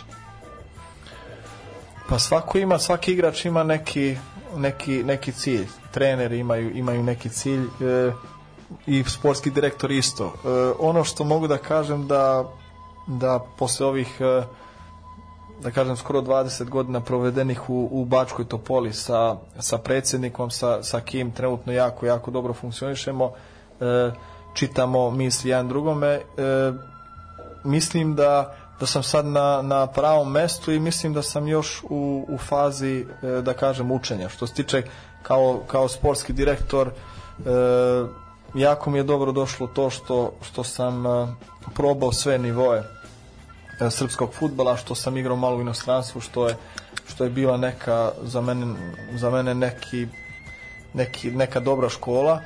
E, I sad osjećam da dolazim do, do tih nekih, e, da kažemo, kontakata gde, gde mogu sebe još da, da podignem na, na više nivo. E, ako bi do, došao neki, neki poziv e, iz, iz, iz nekog kluba koji ste e, spomenuli, e, trenutno e, TSC kao klub i naša neka vizija, neki, neki, neka naša budućnost e, mi diktiraju da, da mi ovde savršeno da je, da je dobro e, šta donosi neka budućnost, nešto e to ne znam, ali ali nekako sam razmišljao da da još, još bi trebao malo da, da steknem neko iskustvo e, još da proširim neko, neka poznanstva i, i posle da vidimo zašto je to dovoljno, ali mislim da, da s druge strane kad pogledamo da je san svakog e, sportskog direktora u Srbiji da da bude na mom mestu u TSC-u, pa tako ja mislim da sam na pravom mestu. Boga mi, mnoge bi se menjali s vama, mnogi, a sad da li ste bi sa drugima, da. to je pitanje veliko. E, ovako, imam jedno pitanje, ovako možda malo škakljivo, ali to negde, a, takav smo narod pa nas to zanima.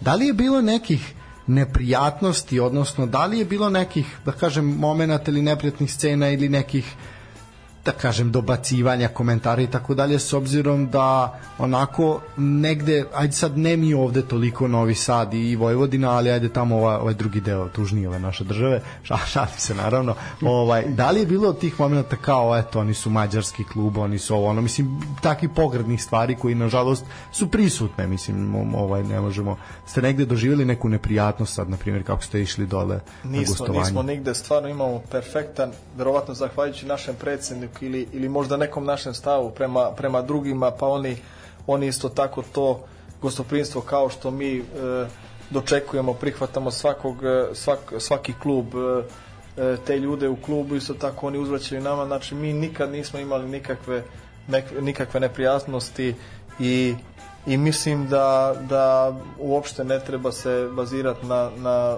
na tome veliki smo prijatelji sa, sa svim, bar ja, što se tiče mog, mog nekog e, sektora e, tog posla direktorskog, ja imam perfektne uslove sa, sa svim e, u, u ovoj e, državi, u svim klubovima i i mislim da, da niko nas ne smatra, bar javno niko, niko ne kaže e, da su mi neki, ne znam, da li, da li ovakav ili onakav klub. Ja gledam, e, gledam klub, da li taj klub drži neki e, jer bi mogli imati primer da, da je privatizacija pa neki klub drži neki, neki e, strani državljanin, šta bi onda rekli? Mislim da, da tu treba gledati klub, treba, treba gledati šta taj klub daje e, toj državi, a ja mislim da, da, smo, da smo pokretači e, i pokazatelji nekog, nekog pozitivnog što, što možda i uticalo na neke, neke korake ovde u Srbiji da se da se poboljšaju neki, neki uslovi. Mnogi su dolazili kod nas po neke, e, neke savete kako raditi primer na terenima, kako, kako graditi stadion, kako to da funkcioniše i, i po meni tako treba razmišljati da smo, da smo mi svi tu za, za podizanje nivoa srpskog futbala i, i ako su svi e, svi se uhvatili u to neko kolo da se svi dižemo, mislim da, da tu za par godina da ćemo baš biti onako da se, da se pohvalimo nečim da smo svi zajedno ti klubovi koji su Super Ligu učinili nešto da srpski futbol da se digne. Sad, jedno pitanje isto u vezi stadiona, kog ste, gradnje stadiona kog ste pomenuli.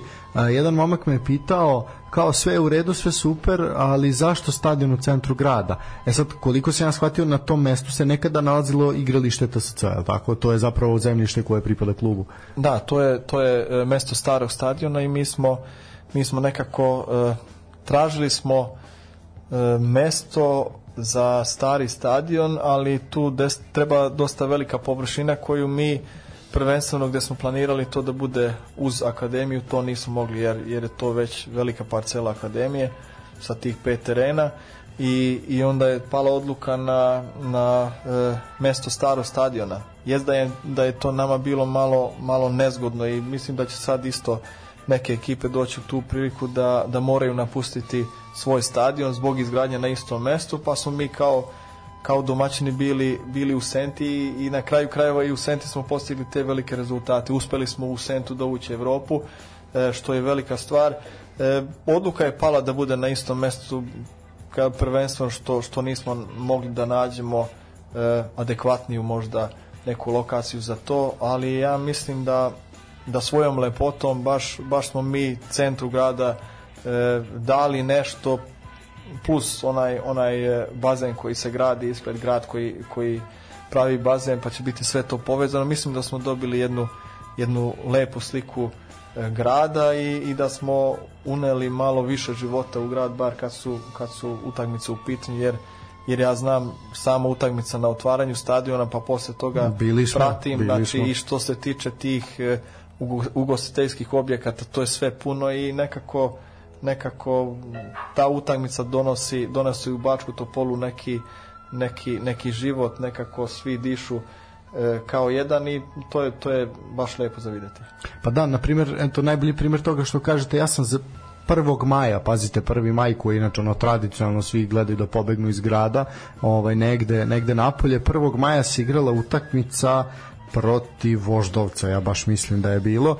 Ovaj ja sam bio na stadionu i opet je to privuklo privuklo ljude bez obzira što su ono manje više gledali svi da odu u prirodu i to negde je kao i ovo nevreme ovaj, tačnije loše vreme protiv Spartaka, to je negde pokazatelj da ljudi imaju zbog čega da dođu, ali kažemo, kad dovoljno da imate uređene toalete, da imate ovaj shop koji radi, koji je pun da imate ovaj negde neki da kažem da popijete piće ili nešto pojedete i sve to je već mnogo pristupačnije i mnogo primamljivije i za porodice sa decom i ovaj koje onako gde je zapravo cilj poenta što ste rekli.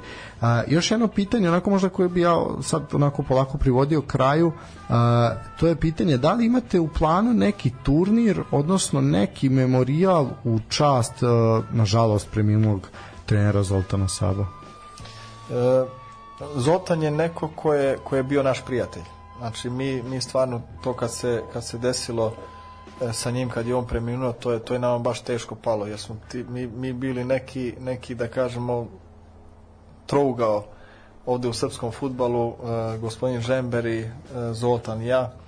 E, I mi smo, mi smo, da kažemo, ti koji su stigli do, do te Evrope, do, do ulaska u Superligu, to je neka istorija. Mi smo, kogod je bio e, već posetio našu akademiju, on je, on je video e, spomenik na, na bronzani spomenik na ulazu na akademiju.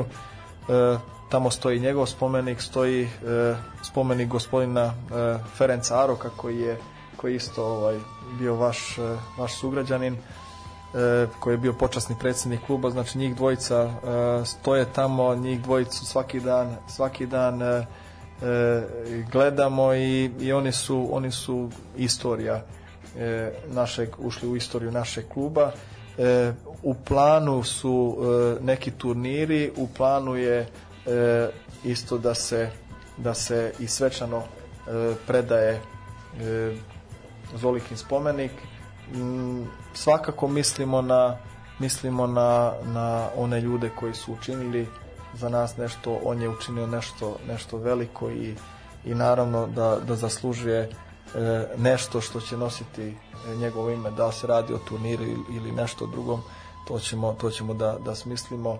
E, bilo je tu još i, i nekih pitanja, deo tribina, deo nekih, nekih, e, nekih e, delova.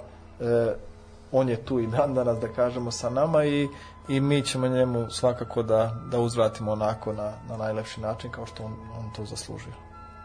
To je, to je zaista. Ja, eto, sad ovo što ste, čeli, recite mi ovo, pošto ste pomenuli ovaj, kako se gospodin Lazatić ugledao na neke stvari iz Manchester City-a, e, da li na nivou kluba ili vama lično postoji klub ili način funkcionisanja e, iz Europe koji vam je uzor u tom nekom smislu ili su to možda Osijek, Dunajska streda, nešto što nastavljate ili, ili svi ti klubovi imaju neki rol model koji žele da, da prate?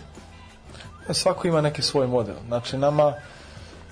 E, Evo, da zaokružim, koje, koje ekipe volite da gledate? Eto, recimo, strane, ovako. Ja jako volim engleski futbal. I, eto, juče sam sa, sa mlađim sinom i, i proslavio neku neki, e, neki trofej e, mog kluba Manchestera koji, koji jako volim znači e, mislim da, da je engleski futbal primer, primer e, svakome kako treba da se da se poštuju pravila da se, da se igra srcem da se, da se sad već stvarno i kvalitet na, na ostrvu je na, na jako visokom nivou to znamo na osnovu tih podataka koliko je sad u Evropi ostalo engleskih klubova. Mislim da je to taj futbal koji, koji, koji stvarno treba poštovati i ceniti. E, ja sam izdvojio ove đavole moje, pa onda, onda za njih navijam. E, oni su mi onako najdraži. Ima, ima još, e, ima još e, klubova, ali opet, kažem, to su, to su isto iz engleske klubovi koje jako volim gledati. Volim jedan, jedan Dortmund gledati. Znači, to, to su klubovi koji koji igraju takav futbal koji, koji onako da kažem meni odgovara i volim. A što se tiče tog organizacionog dela? Pa što se tiče organizacionog dela ja nisam toliko, uh, toliko ulazio u to. Znam kad smo kad smo uh, pravili stadion, kad smo pravili akademiju, to sam ja obilazio sa projektantima, sa kogod da je bio nekako na, na neki način deo te priče ili je trebao, trebali smo nešto da, da, da napravimo na stadionu ja sam uzimao primjer i to, to smo uvek e, obilazili stadione ili akademije koji su nedavno bili, u stvari u to, tom periodu bili izgrađeni.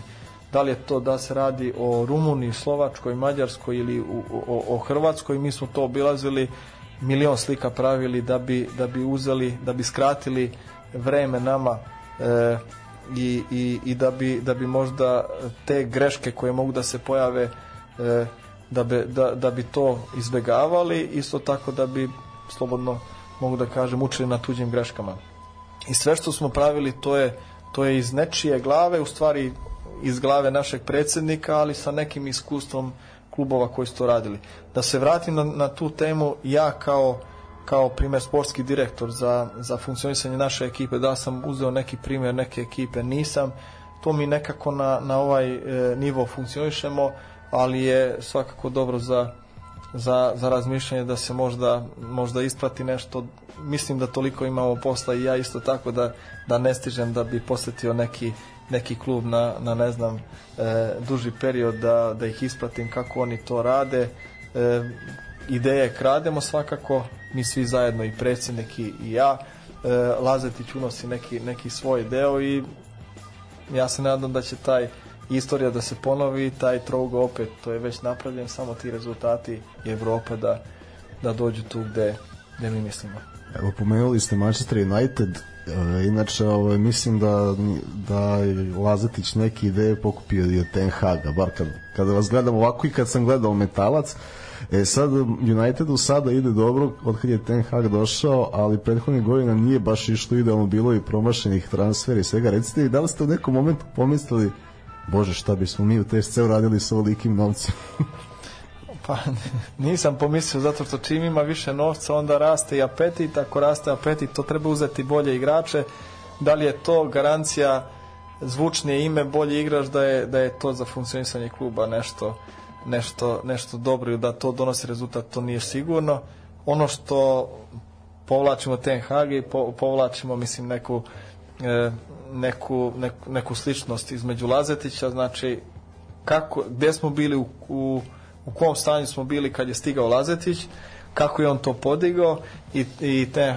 koji, koji, kako, na koji način, u kom periodu je došao posle tih smena trenera u Manchesteru, kako je on to e, podigao do, do ovog nivoa, da tako funkcioniše, tako igraju kao što igraju. Mislim da tu ima, ima, e, ima puno e, sličnosti i mislim da na kraju krajeva kad se pogleda da, da je izbor trenera e, i, i da se posluša e, njegova želja ne uvek da se ispoštuje što se tiče e, dovođenja igrača, ali da se posluša, to mislim da je jako, jako bitno za jedan klub i, i onda mogu da stignu rezultati neki, jer oni imaju neki, nek, neku zamisao kako treba da funkcioniše ekipa, bar ti koji znaju šta rade i onda, onda se i na ovako brzi način možda stigne do nekog, nekog e, uspeha. E, pre nije bilo rezultata u Manchesteru, ja sam to, to njih gledao i isto tako bilo, bilo pitanje, uvek se postavlja da li je problem u treneru kad su slabi rezultati ili igrački kadar i onda doći do, do tog odgovora to je, to je dosta, dosta teško. E, ali sad e, i nisam tad znao koga da izaberem ili koga, koga mogu da kažem za nekog igrača da je, da je on moj igrač.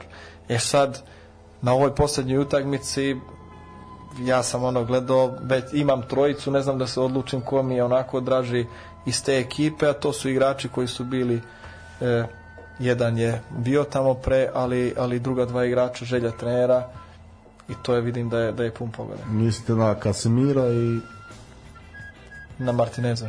O, Lisandro, da.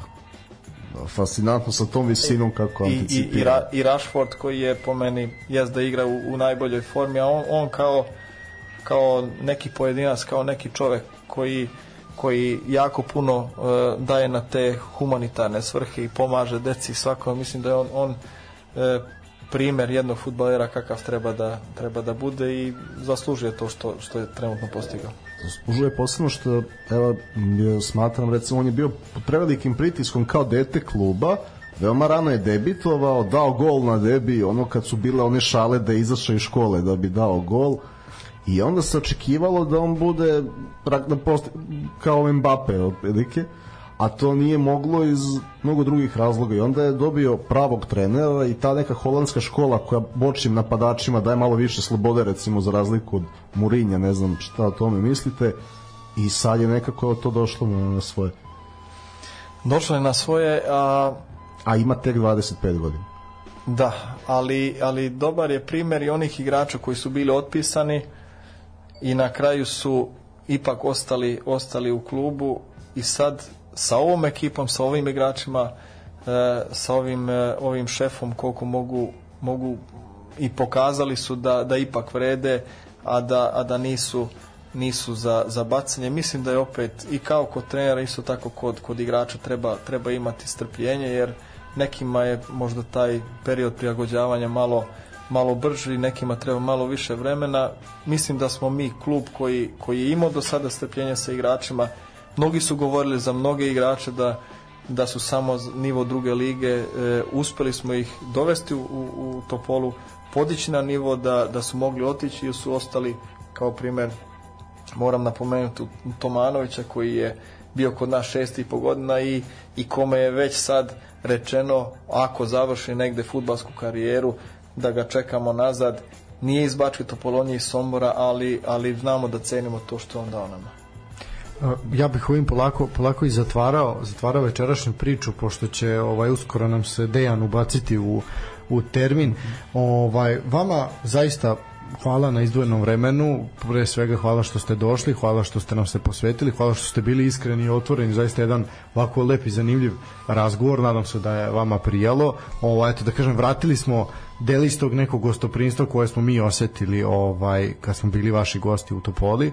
A, svakako ćemo ovaj doći i doći uskoro a, verovatno tamo posle te utakmice sa Crvenom zvezdom, pa ćemo biti, biti ponovo vaši, vaši gosti. Zaista vam hvala što ste odvojili vreme, hvala što ste bili ovaj, ovde naš gost. Nadam se da je bilo prijatno, da ste uživali ovaj, i da ćete naravno doći ponovo ili da ćemo možda sledeću emisiju negde posle nekog osvojenog trofeja ovaj, možda uraditi, uraditi na sam stadion.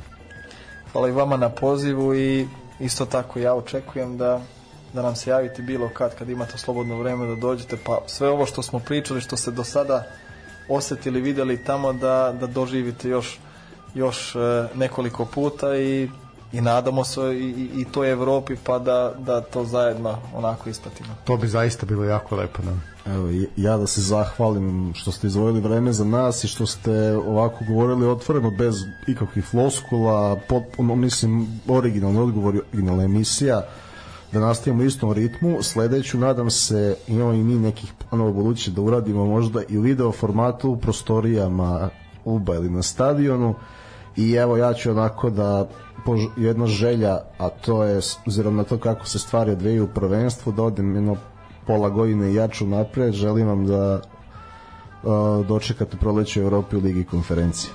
Mislim, Hvala vam puno. Mislim da je to više nego realno ovaj očekivanje. Uh, A, ljudi moji, to bi bilo to. U suštini, a, neko je poslao poruku, ajde to ćemo samo kratko prokomentarisati sad na kraju. Odigrano je, da, finale kupa za muškarce i za žene u Ubu a, i jako loš organizovan meč da nakon utakmice Vojvodine Partizana u muškoj konkurenciji su žene čekale da se utakmica završi koja je odšla u pet setova, pa su ovaj pa su žene čekale za, da počne ta druga utakmica. Da li je to moglo drugačije? Verovatno je moglo, čak su i ljudi na RTS-u. Kad su ljudi na RTS-u to primetili i to komentarisali, onda vam je jasno da postoji neki problem.